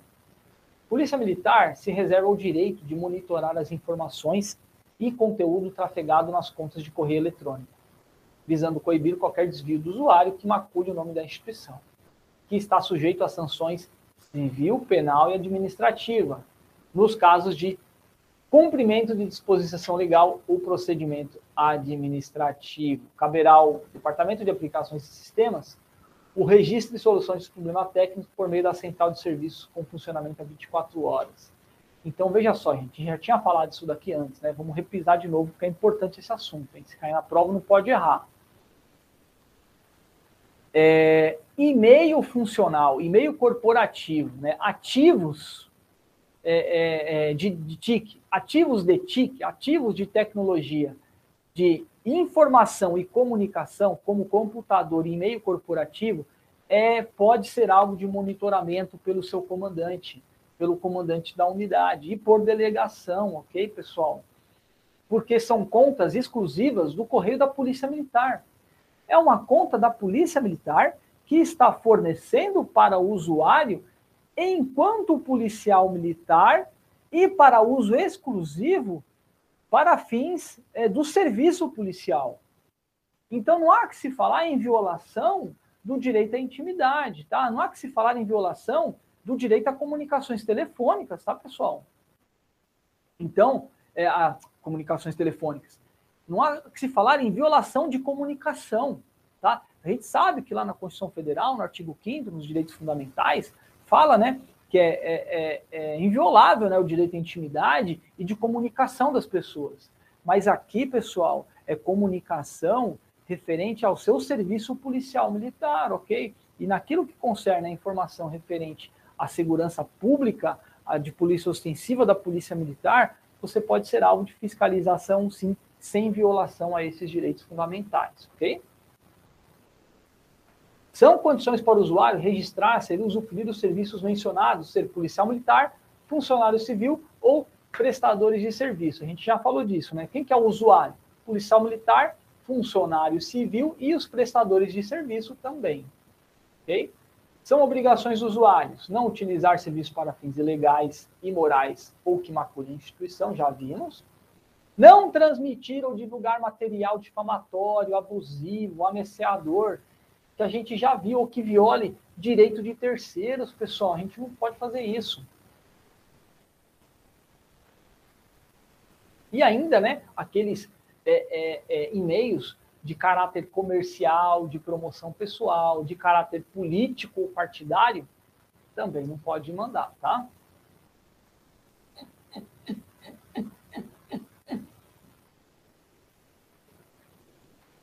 É, e ainda, né? Não enviar mensagens não solicitadas, reconhecidas como spams, correntes de correspondência e outras do gênero. Recebi no meu e-mail lá uma corrente, né? Olha, você recebeu esse e-mail, né? Sua vida vai melhorar 100%. Encaminhe essa mensagem para mais 1.500 pessoas para não quebrar a corrente. Não é para ficar encaminhando esse tipo de mensagem. Recebi um spam. Vou encaminhar o spam? Claro que não, né? Não pode. Não abusar de sua condição para obter acesso não autorizado ao serviço de tecnologia, né? E você não pode ter o abuso, né? é a utilização razoável e com a finalidade específica é, é, de interesse público, né, do serviço policial militar. Ser responsável pelo conteúdo do correio, né, claro, não interferir no interromper, cumprir os, todos os requerimentos e as obrigações descritas no presente artigo são de caráter exemplificativo, né? não esgotando o rol a ser observado dentro dos critérios de conveniência e oportunidade. Então, todas essas obrigações constantes aqui desse artigo 29, ela é exemplificativa, pessoal. Ou seja, podem sim ter outras obrigações, você percebeu algo estranho, né? Recebeu uma informação ou para encaminhar uma informação, tá, tá verificando que não é conveniente, que não é oportuno o encaminhamento dessa informação, então não encaminha, né? policial militar, ao passar para a reserva, terá seu direito, seu correio eletrônico desativado no prazo de seis meses. Aqui, gente, a gente vai tratar então do policial militar que aposenta, tá? O policial militar aposentou, o que, que vai acontecer com ele? Vai cancelar a, a conta de e-mail? Vai. No dia que publicar a inatividade, não. Ele vai ter um prazo ainda de seis meses, tá? Ele vai ter um prazo de seis meses para copiar algum documento que porventura ele seja interessante, né? Um documento, digo assim, né? Não é de particular, porque não pode, né? Mas é, documentos é, atinentes à sua própria condição de policial militar, né? Às vezes algum direito, algum benefício dele, que tem algum documento, algum requerimento de um particular dele, né? Enquanto policial militar. Então ele tem um prazo de seis meses. Em seis meses, após a sua inatividade, em tese, a sua conta será encerrada, desativada, ok? Nos casos de exclusão, o que é exclusão, gente? A pessoa pediu baixa, foi demitida ou foi expulsa. Isso que é exclusão, tá? Pediu baixa, né? É, ou foi demitida ou foi expulsa. Ou no caso de funcionários civis ou terceiros contratados, a perda do vínculo contratual. Funcionário civil ou aquele prestador de serviço também é, é, foi, é, é, não presta mais serviço para a polícia. O serviço de correio eletrônico será automaticamente cancelado. Então, o inativo, me aposentei. Se aposentou, ok, prazo de seis meses para desativar o e-mail. Agora, se você for mandado embora, foi expulso, ou funcionário civil, ou prestador de serviço que quer mandar que, que quebra o vínculo contratual, esse daí é automático. Esse não tem prazo. Fui demitido, não tem prazo para colher informação de e-mail. Se foi demitido, você não é mais policial militar, nem da reserva, nem nada. Acabou, desativou automaticamente. Ok? O acesso também poderá ser desativado por conveniência e oportunidade da administração. Se a administração pública né, achar conveniente e oportuna a desativação de qualquer conta de e-mail de qualquer usuário, ela também poderá ser desativada. Polícia Militar não será responsável pela perda de arquivos, documentos, mensagens ou informações decorrentes do cancelamento ou desativação da conta, contado o prazo de três meses após o cancelamento ou desativação. Então, veja só, após três meses do cancelamento, os arquivos ainda ficam é, armazenados. Vejam só, pessoal. Por quê? Porque se ela está falando que após três meses não vai ser mais responsabilizada pela perda dos arquivos, significa que mesmo que depois você, mesmo que depois de, de, de, de do e-mail desativado, né, seja de forma automática, porque você foi demitido, ou após seis meses após a sua inatividade, significa que você ainda tem um prazinho de três meses lá na DETIC, né? Que você pode recuperar esses arquivos. Mas após três meses que, que a sua conta foi desativada definitivamente, aí sim é, você vai perder esses arquivos. Ok? Na ocorrência de qualquer hipótese de cancelamento ou desativação, o usuário será notificado por e-mail, via mensagem automática, após três meses da passagem para reserva, sob o prazo de armazenamento e cancelamento a qual estará sujeito.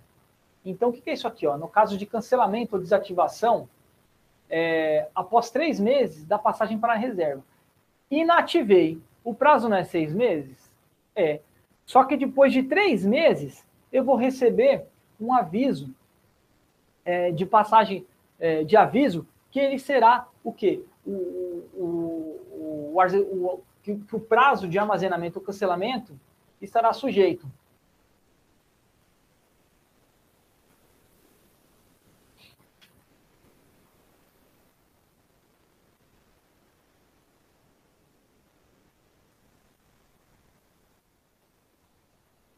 Tá, ó. Para não ficar dúvida aqui. Né? Inativei. Eu não tenho prazo de seis meses que eu vou ficar com o e-mail? Sim. Você inativou, o seu e-mail não vai ser cancelado. Você vai continuar tendo acesso à conta. Só que depois de três meses, você vai receber um e-mail falando, ó, daqui três meses vai ser cancelada. Então, quando faltar três meses para cancelar, para desativar o seu e-mail definitivamente, é que você vai receber essa informação que será desativado, ok? Após o recebimento da notificação, o policial militar deverá, a qualquer tempo, manifestar-se sobre o interesse em manter ou reativar o seu correio eletrônico. Então, veja só, há possibilidade ainda de você, mesmo na reserva, manter a sua conta de e-mail na Polícia Militar. É só você se manifestar nesse sentido. Não, eu quero manter esse meu e-mail é, corporativo. E você vai fazer isso de que forma? Ligando para a central de serviços, naquele 0800, né? É, 738090, que é o mesmo telefone do Helpdesk, pessoal. Helpdesk, ah, tô com problema de informática, não liga no Helpdesk? Então, pô, tô inativo. Liga lá no Helpdesk e fala, ó, eu quero manter a minha conta de e-mail, que ele vai é, ser providenciada. Porém, vai fazer outra conta, né? Ele vai fazer um novo é, um novo correio, né, ó, que fala aqui o parágrafo terceiro, ele vai falar assim, ó, após a manifestação de interesse, ou seja, eu quero fazer esse e-mail, né, o, o helpdesk lá, a central de serviços, ela vai criar um novo correio eletrônico para você, corporativo, e que vai te manter aí em contato com a polícia militar mesmo na inatividade, né. Mas esse novo correio eletrônico é novo correio eletrônico, ok? Mas o login, a senha, continua o mesmo. Okay? Não, precisa, não vai precisar fazer a, a, a mudança, né? De novo, é, login e senha. Vai continuar com a mesma é, login e senha, mas o endereço do e-mail, por exemplo, josé arroba polícia militar.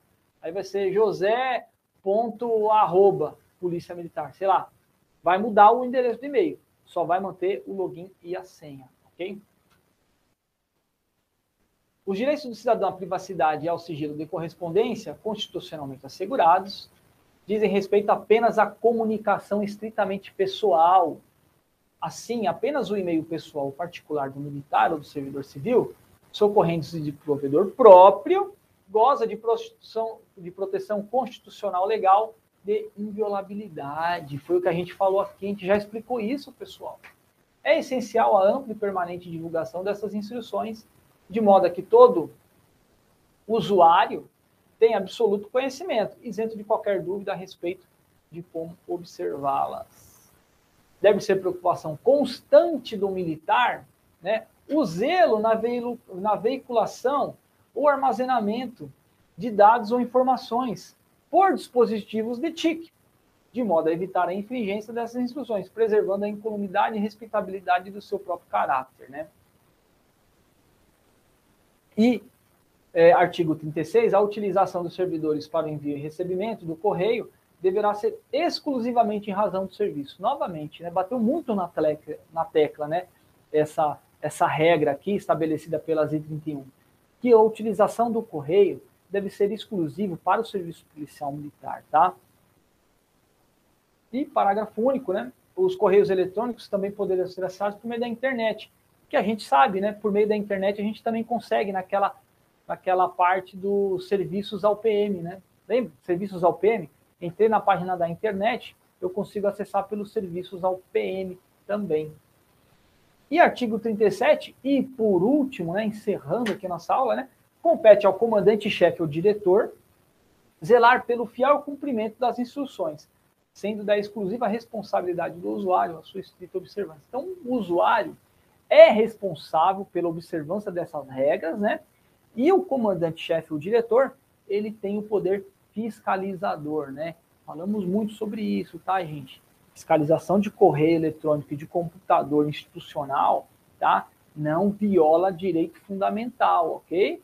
De informação ou de restrição de comunicação, que é em provedor próprio. Quando o seu computador, lá no seu e-mail, da, da sua conta particular, tudo bem, mas e-mail, computador da Polícia Militar, e-mail funcional, e-mail é, é, corporativo, pode ser fiscalizado, não há que se falar em quebra de direito. Gente, era isso para a gente já falar aqui sobre é, as I30PM e as I31PM. Espero que tenham gostado. Até a próxima. Valeu!